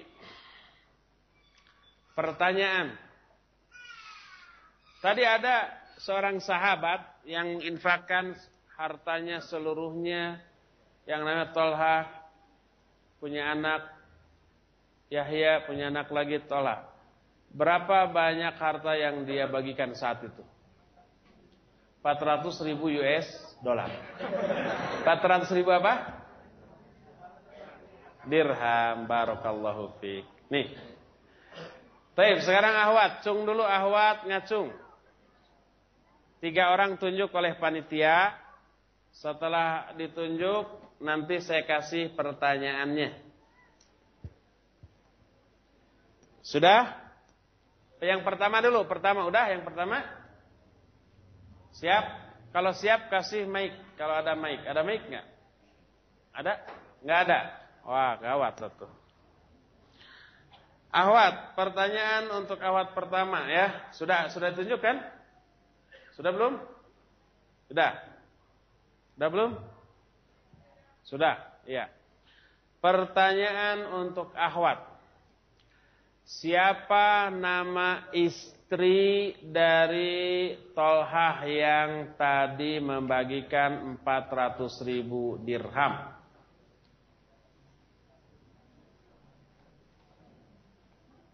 Nama istrinya. Siapa tahu nanti diberi ke nama anaknya. Lalu? Lalu? Lalu siapa namanya? Sa'da binti Auf al-Marriyah. Mungkin ngobrol atau ngelamunnya. Masih yang tadi, masih yang tadi. Pertanyaan yang kedua. Pertanyaan yang kedua. Surat dan ayat yang keberapa yang mewajibkan saum? Yang tadi jangan semua menjawab. Berapa? Surat Al-Baqarah 183. Iya. Ayat 183. Barakallahu fik. Itu nggak ada di materi tapi harus tahu. Baik. Yang kedua, ahwat yang kedua. Sudah ditunjuk? Taib, sudah ditunjuk. Yang kedua. Pertanyaan yang kedua. Siapa nama sahabat yang semalaman sholat hanya satu rakaat membaca seluruh ayat Al-Quran? Siapa?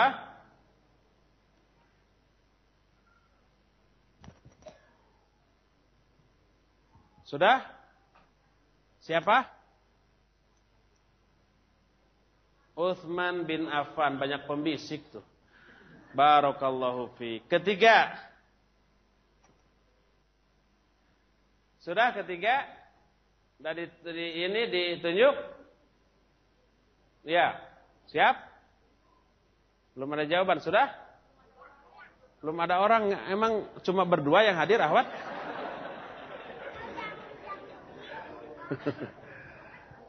sok tunjuk, masa nggak ada yang ngacung? Mudah kok, mudah sok.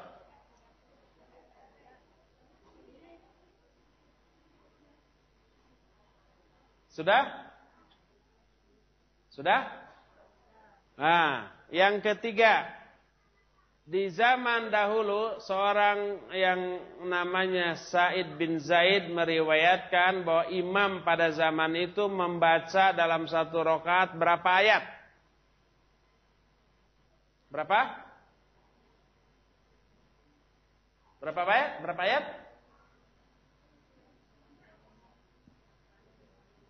35? Oh, salah. Ai batur salah disengserikeun. Berapa ayat? 35 salah. Itu yang 35 itu justru kata Imam Malik ya. Bukan 35 tapi Al-Baqarah dibagi 8. Ini Said bin uh, Zaid menyatakan imam membaca berapa ayat sampai kami bersandar ke tongkat. Taluk? Dua ratus ayat. Salah ya? Tunjuk satu lagi, tunjuk satu lagi. Tunjuk satu lagi. Sudah? Ya. Kalau sudah sekarang coba sebut empat saja poin amalan yang harus kita isikan di Ramadan kita selain saum. Pertama kan saum, kedua Hai ahwat. Kedua Kedua apa? Terawih, Qiyamul Ramadan. Ketiga, infak sodakoh. Keempat, baca Quran. Kelima, umroh. Keenam, infak kan sudah. Itikaf. Ketujuh, zikir. Kedelapan, dan seterusnya. Barakallahu fiqh. Ini kasih ke sana. Ya, eh, door prize sudah. Sekarang kita akan masuk ke pertanyaan. Sebelum pertanyaan, ini sudah ya tadi. Pengumuman diumumkan lagi. Ada info dulu pertama Sabtu sore pekan depan 21 Juli satu Ramadan? Belum tentu, nanti kita lihat. Dua Ahad pagi, pekan depan 22 Juli, dua Ramadan. Masjid Asidik. Apa ini? Bukan.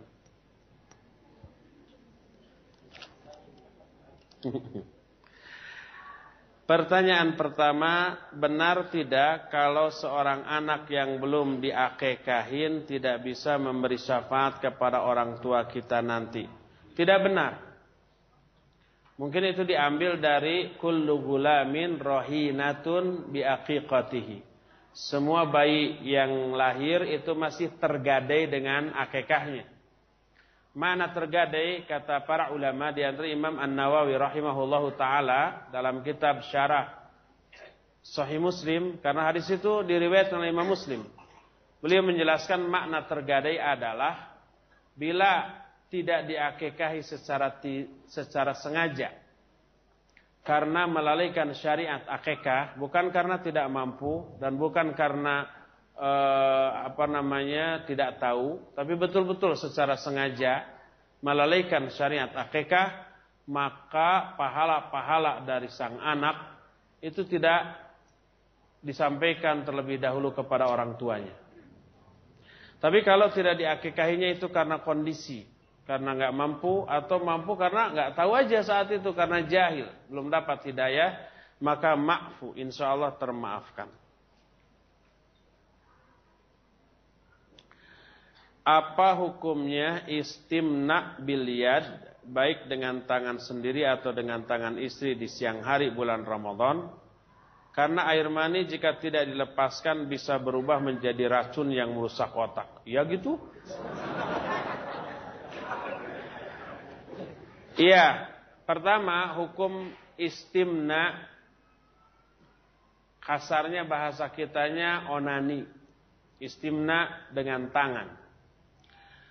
Pertama, kalau dengan tangan sendiri, siapa pun pelakunya haram masuk ke dalam keumuman ayat walladzina hum li furujihim hafidun illa ala azwajihim aw ma malakat aymanuhum fa innahum ghairu malumin baik bagi bujangan ataupun bagi yang sudah menikah maka istimna atau onani dengan tangan sendiri haram hukumnya adapun bagi orang yang sudah menikah lalu dia melakukan itu dengan tangan istrinya dibolehkan. Kalau umpamanya ada halangan syar'i untuk berjima seperti sedang haid atau nifas. Kalau haid mungkin sebentar. Kalau nifas ini yang bikin pusing. Nah kemudian dia berupaya untuk menjimai istrinya dengan segala cara. Tapi bukan pada farajnya maka boleh baik dengan tangannya, dengan badan badan bagian badan yang lainnya itu dibolehkan. Walaupun ha harus sampai keluar spermanya, maka itu dibolehkan. Tidak berdosa dan itu masuk ke dalam kebolehan ayat walladzina hum li hafidun illa ala azwajihim kecuali dengan istrinya. Baik istrinya itu ke farajnya melakukan hubungan jima ataupun dengan tangannya atau dengan bagian tubuh yang lainnya itu dibolehkan asal oleh istrinya. Adapun e, kalau melakukan itu di bulan Ramadan maka tidak boleh karena itu pelampiasan syahwat dan itu bertolak belakang dengan hakikat dari saum itu sendiri menahan menahan diri dari makan minum dan syahwat. Jadi siapa yang melampiaskan keinginan untuk makan, lalu makan batal. Keinginan untuk minum, lalu minum batal. Keinginan untuk melampiaskan syahwat, lalu dia lihat lampiaskan kepada istrinya sendiri yang halal, maka batal baik ke farajnya ataupun ke bagian tubuh yang lainnya. Bukankah ada ulama yang membolehkan hal itu? Karena apa? Karena kata Aisyah radhiyallahu anha, karena Rasul sallallahu alaihi wasallam yuqabbilu wa huwa shaim wa yubashiru wa huwa shaim. Walakinnahu amlakakum liirbih. Kata Aisyah, Nabi sallallahu alaihi wasallam itu mencium istrinya padahal beliau sedang saum dan bermubasyarah dengan istrinya padahal sedang saum. Tapi beliau orang yang paling mampu menahan syahwatnya. Ah, kalau mencium istrinya sudah faham. Mubasyarah maknanya mubasyarah menempelkan kulitnya, kulit tubuhnya dengan kulit tubuh istrinya tanpa halangan sama sekali, tanpa kain. Oleh karena itu sebagian ulama seperti Al-Imam Ibnu Hazm rahimahullah menyatakan selama som disunnahkan bercumbu dengan istri. Ini hadisnya Aisyah. Dan hadis ini sahih riwayat Imam Bukhari dan Imam Muslim. Sehingga sebagian dari mereka menyatakan sunnah bercumbu ketika saum. Bahkan Imam Ibnu Hazm menyatakan walaupun sampai sampai inzal. Inzal itu keluar sperma. Ada yang berpendapat begitu. Tapi ini dibantah oleh para ulama karena itu bertolak belakang dengan hakikat dari saum yaitu menahan diri dari syahwat. Itu pertama. Kedua adanya hadis yang menyatakan kata Amr Abdullah bin Amr bin As radhiyallahu anhuma menyatakan jaa syabun ila Rasulillah sallallahu faqala ya Rasulullah uqabbilu wa ana shaim qala la. Faja'a syaikhun faqala ya Rasulullah uqabbilu wa ana shaim qala na'am. Fanadhara ba'duna ba'dha faqala Rasul sallallahu inna syekh yamliku nafsah. Kata Abdullah bin Amr bin As, ada seorang pemuda datang lalu bertanya, "Wahai Rasulullah, boleh enggak aku mencium istriku pada waktu aku sedang saum?" Kata Nabi, "Tidak, tidak boleh." Datanglah orang tua lalu bertanya, "Ya Rasulullah, boleh enggak aku mencium istriku ketika aku saum?" Kata Nabi, "Boleh." Para sahabat saling pandang, heran. Lalu kata Nabi karena orang tua ini lebih me, bisa menahan syahwatnya. Jadi pemuda tadi dilarang mencium padahal Nabi mencium. Dan yang lain dibolehkan mencium. Karena apa? Dikhawatirkan kebablasan. Ingat ciuman adalah mukaddimah. Setelah itu ada follow up. Ada tindak lanjut. Dan itu yang dikhawatirkan membatalkan saumnya. Oleh karena itulah adanya hadis ini menyatakan mencium dengan syahwat yang dikhawatirkan ada tindak lanjut dimakruhkan ketika saum. Oleh karena itu sebaiknya menghindari hal itu karena apa? Karena walaupun usia pernikahan sudah lebih dari 20 tahun, ingat ketika saum di tengah hari siang saum sang istri yang sudah tua, yang sudah keriput itu nampak bagi bidadari surga. Begitu menggiurkan. Sama dengan orang ketika saya melihat air comberan kayak cendol itu. Jadi lebih baik dihindarkan ya. Wallahu a'lam bishawab. Apakah air sperma bila tidak dikeluarkan akan menjadi racun? Itu tanya coba ke dokter. Apa betul? Saya nggak percaya itu.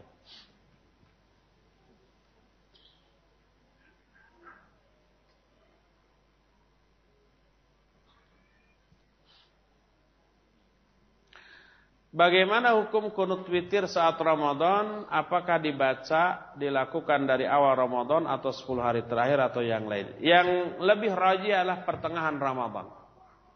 Jadi masuk tanggal 15 Ramadan mulailah melakukan kunut witir. Sebagian ulama ada yang membolehkan melakukan kunut witir sejak awal. Kalau di Selacau sejak awal, estak pertengahan Ramadan baru kunut. Apakah hubungan-hubungan saldo pahala dan dosa tadi itu sohi karena anak jadi berbesar hati bahkan GR. Itu ayat yang tadi saya bacakan ayat bukan hadis yang sohi. Dan itu dijelaskan oleh para ulama di antara al-Imam uh, Al-Hafidh Ali Al-Hakami dalam kitab Mukhtasar Ma'arijul Qabul ketika menjelaskan bab uh, rukun iman yang kelima yaitu iman kepada hari akhir lebih spesifik bab mizan, bab adanya timbangan. Nanti ada yang ditimbang antara pahala dan dosa. Itu iya itu ayat, bukan hadis lagi, tapi itu ayat.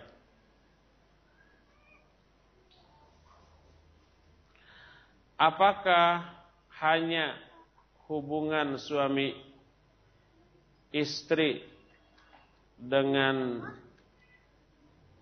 oh, Apakah hanya hubungan suami istri saya yang membatalkan wudhu? Apakah hanya hubungan suami istri saya yang membatalkan wudhu saja?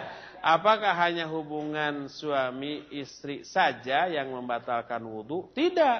Kalau yang membatalkan wudhu buang air besar atau kecil, buang angin, itu juga membatalkan wudhu ya. Kalau hubungan suami istri selain batal wudhunya dia dia juga junub harus mandi.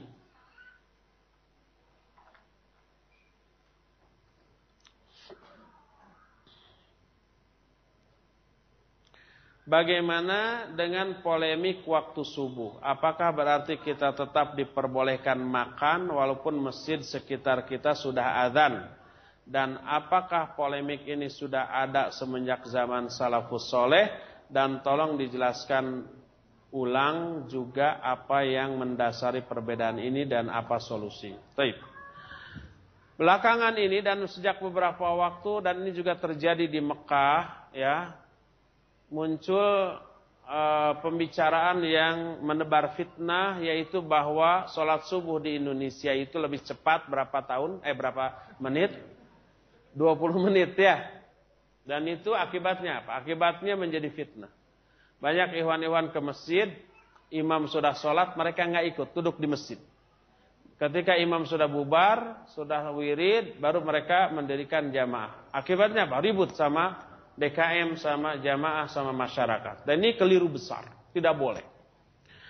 Pertama, yang berwenang menetapkan waktu ibadah, baik sholat ataupun saum, adalah ulil amri. Bukan pribadi setiap muslim kemudian berhak untuk menentukan waktu sholat atau waktu awal Ramadan atau awal Syawal atau awal setiap bulan, bukan. Tapi ulil amri. Kedua, waktu-waktu tersebut ditetapkan bukan berdasarkan hita, hisab, tapi berdasarkan ru'yah.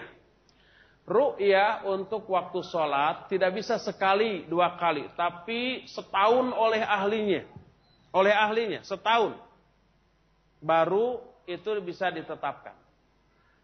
Oleh karena itulah maka jadwal sholat di setiap negara itu sudah fix melalui orang-orang yang ditugaskan untuk meru'iyah dan berpengalaman selama puluhan tahun dan ditetapkan berdasarkan musyawarah. Kalau ada individu muslim yang memandang bahwa jadwal itu salah, dia tidak boleh mengungkap kesalahan itu ke umat. Nanti umat resah. Dia harus mengatakannya kepada ulil amri. Ini salah keliru berdasarkan ini, ini, ini, ini. Nanti ulil amri mengecek dulu betul enggak bahwa ini salah atau dia bahkan yang salah. Lalu dimusyawarahkan. Begitulah seterusnya. Kekeliruan orang adalah ke ulil amri tidak bicara, ke orang ngomong akibatnya ribut.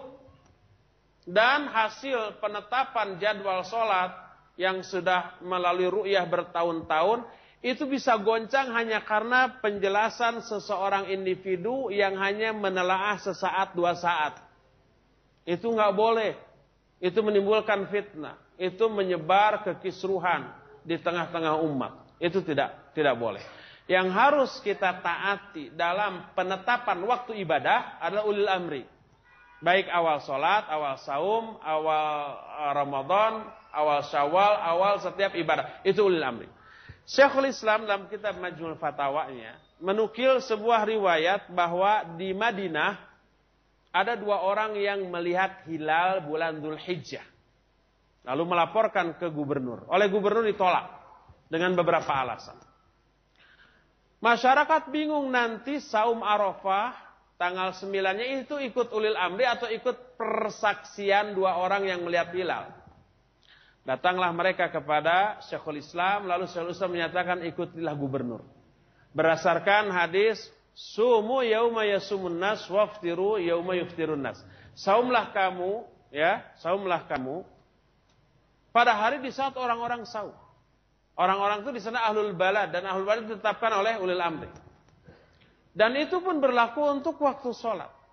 Jadi semua waktu ibadah itu ditetapkannya bukan oleh orang per orang tapi oleh ulil amri. Kalau salah, kita tetap dapat pahala ketaatan.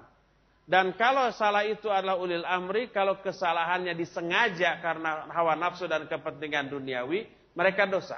Tapi kalau kesalahannya itu bukan karena kelalaian, bukan karena hawa nafsu tapi betul-betul karena kesalahan ijtihadi, kesalahannya dimaafkan dan mereka memiliki satu pahala. Jadi bagi kita nggak perlu eh, pusing-pusing seperti itu. Sudah ikuti jadwal yang ada sebagai bentuk ketaatan kita kepada ulil amri yang oleh Allah diperintahkan untuk ditaati dalam hal ini. Maka kalau salah, kesalahan itu urusan ulil amri dan bukan urusan kita. Wallahu a'lam bishawab.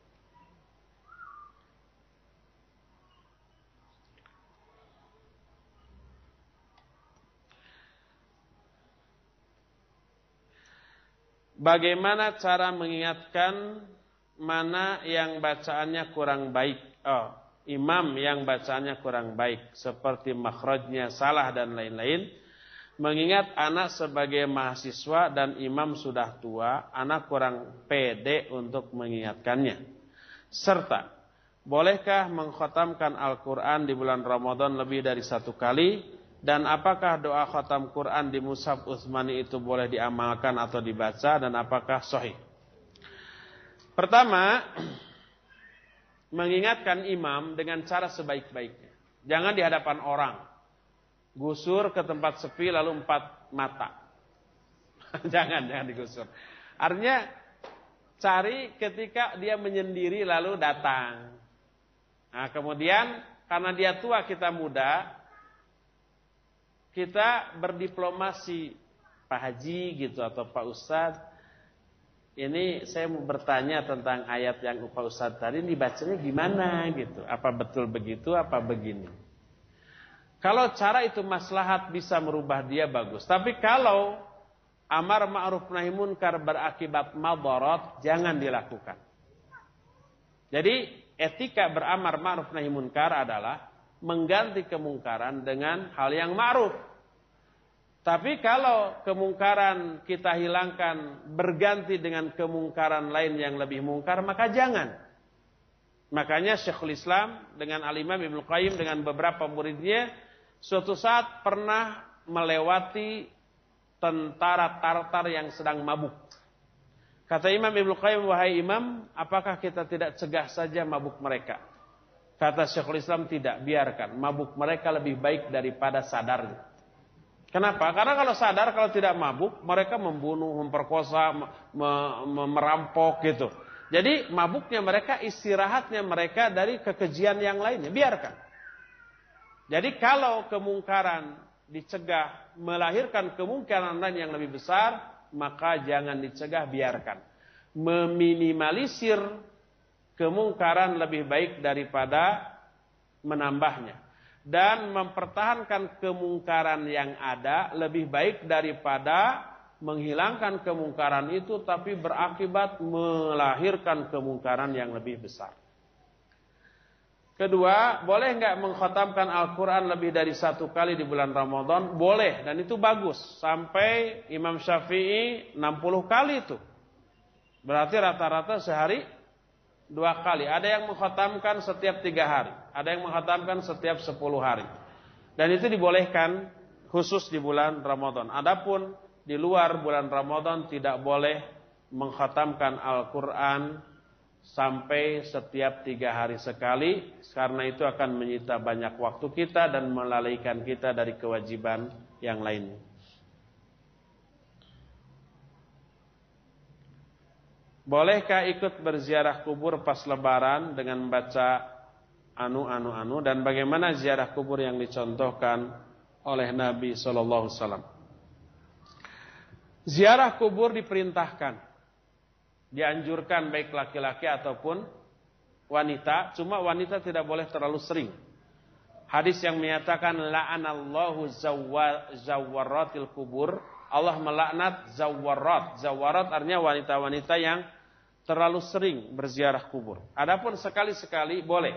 Aisyah radhiyallahu anha bertanya, "Ya Rasulullah, kalau aku ziarah kubur apa yang harus aku baca?" Lalu diajari doa ziarah kubur.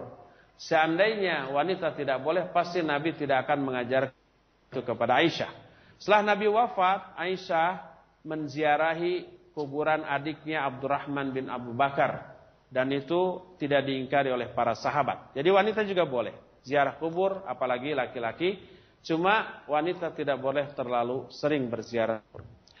Jadi intinya ziarah kubur dianjurkan. Cuma bila ziarah kubur dirutinkan, dibiasakan pada momen-momen tertentu, maka menetapkan kerutinan itu yang tidak boleh. Umpai mau Ramadan ziarah kubur. Setiap mau Ramadan ziarah kubur. Atau pas lebaran setiap ziarah kubur. Setiap lebaran ziarah kubur. Karena adanya keyakinan sunnahnya hal itu. Maka itu tidak boleh. Setiap anaknya mau disunatin ke, ke ziarah kubur dulu. Minta izin bapak, itu cucu bapak mau disunat. Gak boleh yang seperti itu ya.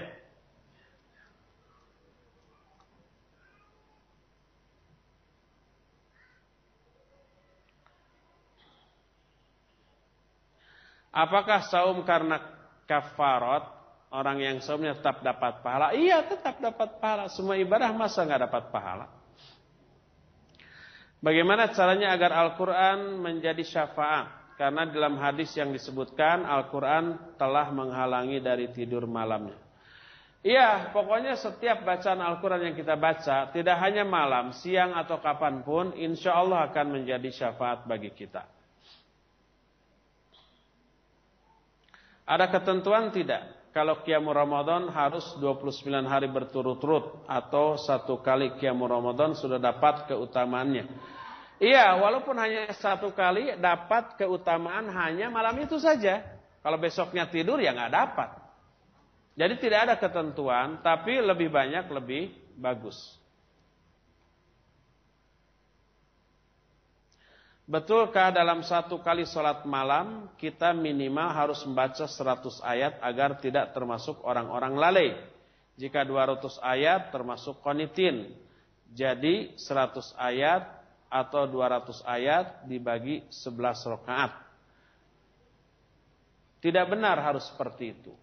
Al-Quran menyatakan faqra'u ma tayassara minal Quran. Bacalah oleh kamu apa-apa yang mudah bagimu dari Al-Quran. Jadi walaupun umpamanya hanya setiap uh, rokaat membaca kul huwallahu ahad, rokaat kedua baca itu, rokaat ketiga, sebelas rokaatnya membaca kulhu karena memang hanya itu yang hafal, ya itu tetap sah dan dapat pahala sesuai dengan kadar ibadah yang dilakukan.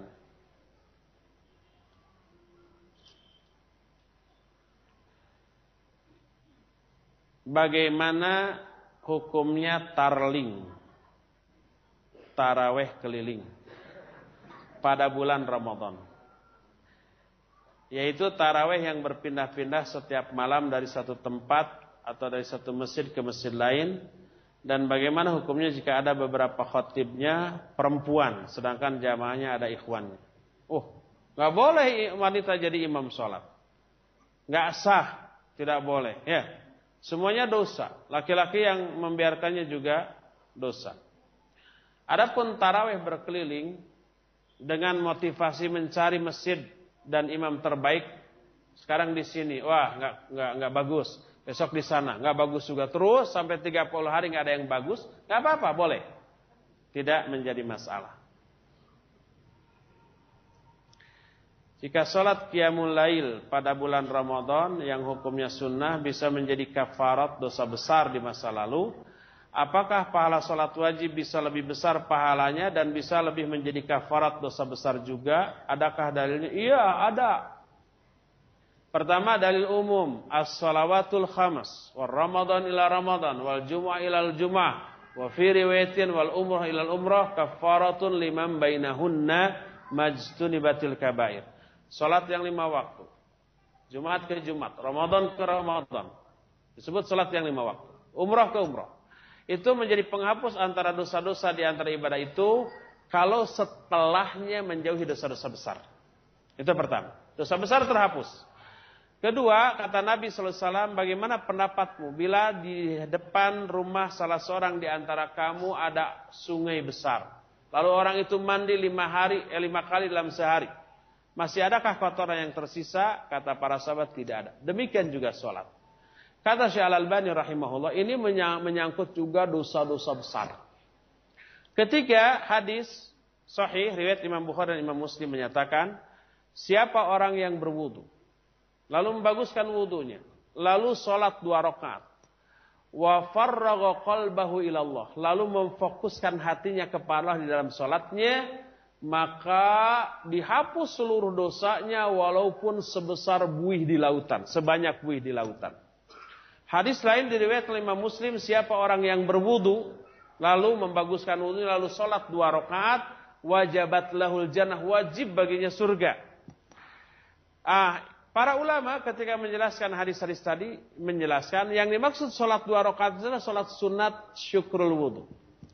Andai sholat sunat syukrul wudu saja efeknya begitu bisa menghapus dosa walaupun sebanyak buih di lautan, bisa mewajibkan ke surga apalagi sholat fardu yang khusyuk.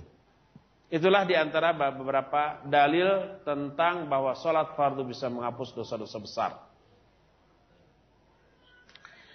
Ada tradisi di Indonesia jika menjelang puasa Ramadan masyarakat bersalaman meminta maaf atau bermaaf-maafan. Apakah perbuatan ini didasarkan atau sesuai dengan syariat? Tidak. Jadi begini, meminta maaf atas kesalahan kita disyariatkan setiap kali kita bersalah. Ini mutlak. Tapi kalau yang mutlak ini dimukoyadkan, Dimuqayyadkan itu dibatasi pada waktu tertentu atau momen tertentu. Maka takyidul mutlak wa tashri. Memuqayyadkan yang mutlak itu penetapan syariat.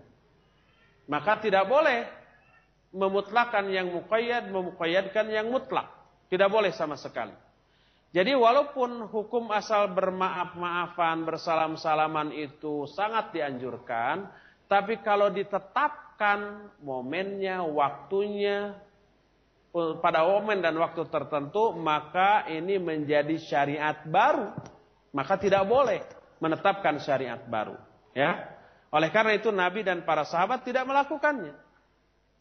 Kalau tidak melakukannya berarti itu menurut syariat tidak baik. Qul laukana khairan la sabaquna ilaih. Katakan, kalau hal itu baik, maka pasti mereka, Nabi dan para sahabat lebih dahulu untuk melakukannya. Jadi, sebaiknya kita tidak saling meminta maaf dalam rangka khusus Ramadan, dalam rangka khusus Lebaran. Kalau mau minta maaflah setiap kali kita bersalah, aduh maaf saya kemarin salah ya. Ini mah terbalik, salahnya terus tiap hari minta maafnya enggak. Pas mau Ramadan minta maaf. Pas Lebaran minta maaf. Bagaimana kalau sebelum Ramadan tiba meninggal? Itu ya. Apakah dosanya terhapus? Tentu saja tidak.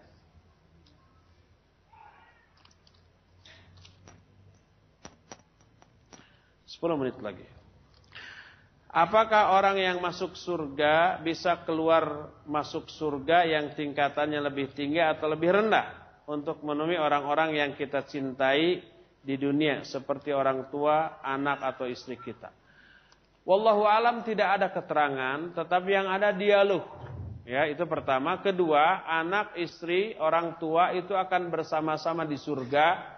Kalau mereka semua ahli surga, sekalipun tingkatan surganya, tingkatan amalnya berbeda, itu akan disatu levelkan. Sebagaimana ayat tadi dalam surah Tur, Alladzina amanu wattaba'atum dzurriyyatum biiman alhaqna bihim dzurriyyatahum. Maknanya kata Ibnu Abbas, bahwa Allah akan mengangkat derajat anak-anak orang mukmin selevel dengan orang tuanya di surga sekalipun amal mereka jauh berbeda. Itu akan disatukan di tingkat surga yang sama.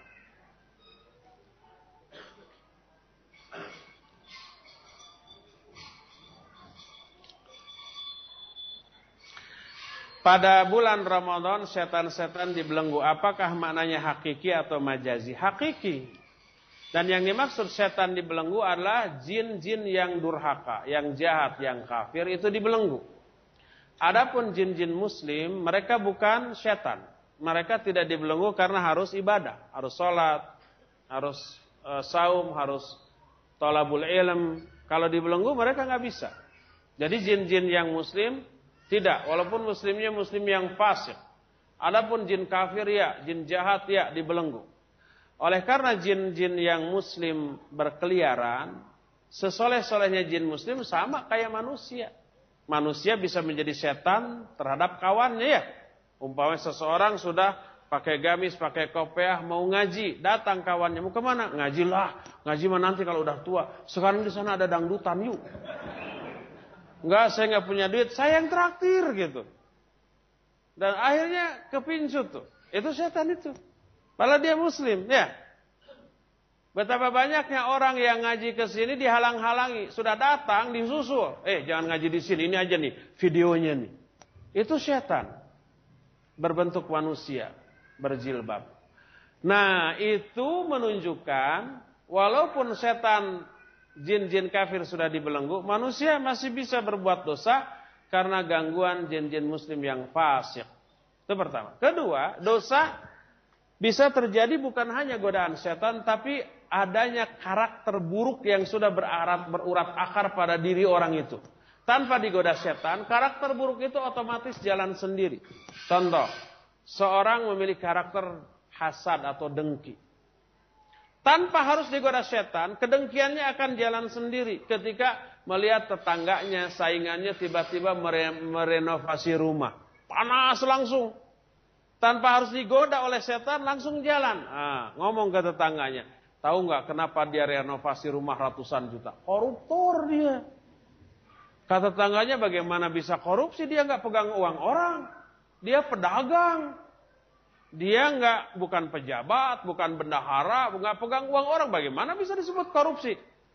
Ada alasan, oh kalau nggak korupsi pasti dia punya tuyul tuh. Ah, macam-macam gitu ya. Jadi hasadnya otomatis jalan seni tanpa harus diganggu oleh setan. Makanya walaupun di bulan Ramadan setan-setan dibelenggu, dosa masih tetap dilakukan oleh manusia. 6 menit lagi. Apakah benar jika ru'yah atau melihat hilal tidak dianjurkan menggunakan alat teleskop atau teropong? Iya. Di zaman Nabi ada nggak teleskop? Ada. Sebab siapa yang bikin teleskop? Galileo kan? Galileo Galilei. Mirip-mirip gelo-gelo gitu. Dan itu sudah ada sejak sebelum Masehi kan? Alat teropong itu sudah ada. Di zaman Nabi sudah ada. Tapi itu tidak digunakan. Itu pertama. Kedua, ru'yah yang dimaksud adalah ru'yatul ain, bukan ru'yatul akal. Bukan ru'yah akal, tapi ru'yatul ain.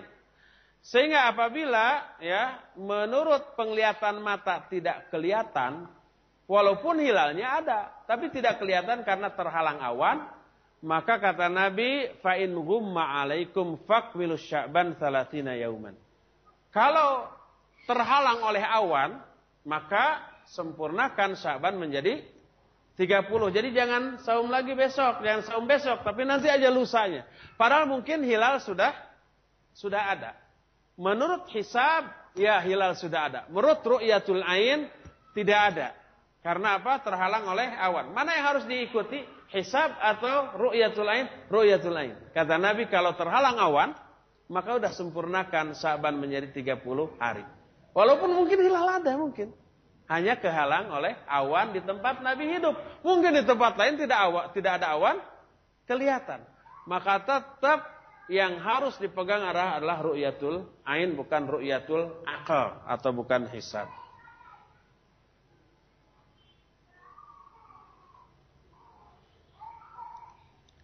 Apakah boleh bila sholat tarawih berjamaah sampai witir, sampai selesai di masjid. Lalu saat mau sahur kita sepertiga malam sholat kiamulai lagi, kiamulai lagi tanpa witir. Boleh.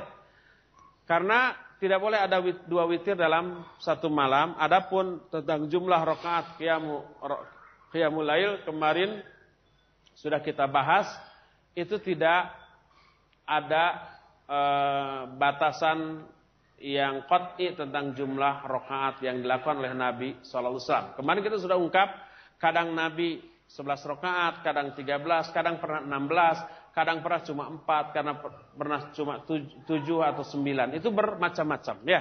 Sehingga para ulama menyimpulkan bahwa sholat malam tidak ditetapkan jumlah rakaatnya, tapi ditetapkan waktunya, batasan waktunya. Ketika fajar menyingsing, maka itu sudah habis. Niat puasa Ramadan apakah wajib di malam hari dan berupa apa niatnya? Bagaimana jika kehidupan, jika ketiduran pada malam harinya hingga lupa niat dan bangun pada waktu sahur ataupun subuh? Apakah boleh kita tetap berpuasa? Bukan boleh, tapi wajib. Betul, niat wajib. Nabi SAW bersabda, Malam yubayyiti siyam qabla al-fajr falasiyamalahu.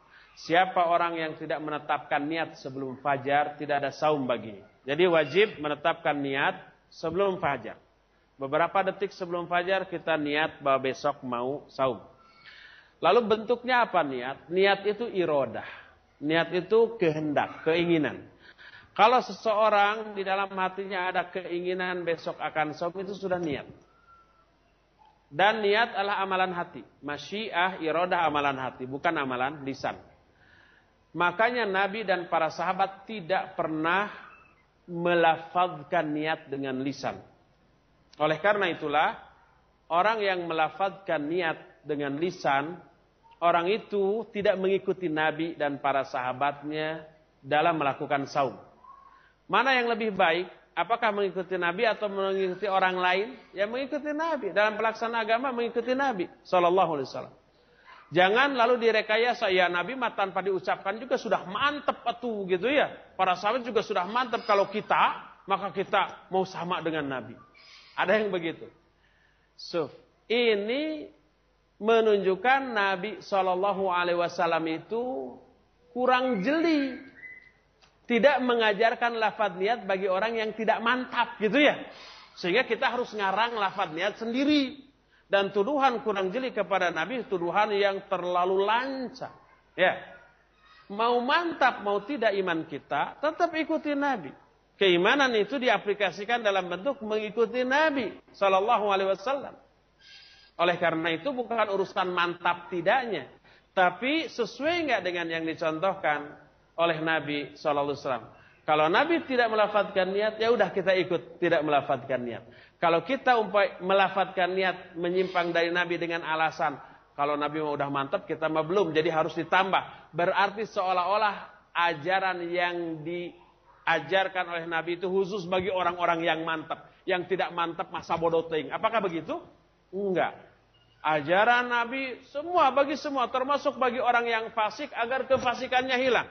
Termasuk bagi orang yang lemah iman agar imannya tambah mantap termasuk orang yang hatinya tidak mantap agar tambah mantap. Ikuti apa yang disunahkan oleh Nabi Shallallahu Alaihi Wasallam.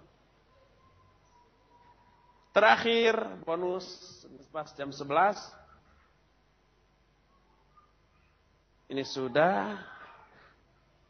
Bagaimana cara membayar hutang puasa tahun-tahun lalu selama 34 hari dikarenakan sakit? Tapi bayar fidyah sudah, apakah saya harus puasa 34 hari lagi? Kalau sakitnya sakit yang memungkinkan sembuh, tidak boleh fidyah. Tapi harus khodoh. Karena Allah menyatakan, wa man kana minkum maridon aw ala safarin, fa'indatu min ayamin ukhar. Kalau kamu sakit atau safar, lalu tidak saum, maka ganti hari-hari tersebut sebanyak hari-hari yang ditinggalkan. Jadi yang sakit tidak boleh fidyah tapi wajib qadha. Kecuali kalau sakitnya kronis, permanen, sampai kapan pun kata dokter ini nggak bisa sembuh. Seperti mah yang sudah kronis banget, atau jantung yang semakin lama bukan semakin bagus, tapi semakin lemah karena kolesterol tinggi, karena tekanan darah tinggi, dan harus mengkonsumsi obat terus-terusan sedikit telat langsung jatuh jantungnya kamu. Nah kalau seperti itu iya tidak mampu baru fidyah. Tapi kalau sakitnya masih memungkinkan sembuh, dia tidak boleh fidyah. Dia harus membayar hutang saumnya walaupun sampai 34 hari. Ya ikhwan dan akhwat, Allah wa iyyakum termasuk para pendengar Radio Roja, cukup sampai di sini saja. Walaupun pertanyaan masih sangat banyak, tapi waktu yang kita miliki sudah habis. Cukup sampai di sini dan insya Allah kita akan berjumpa kembali di masa yang akan datang. Subhanakallahumma bihamdik asyhadu an la ilaha illa anta astaghfiruka wa atubu ilaik walhamdulillahirabbil alamin. Wassalamualaikum warahmatullahi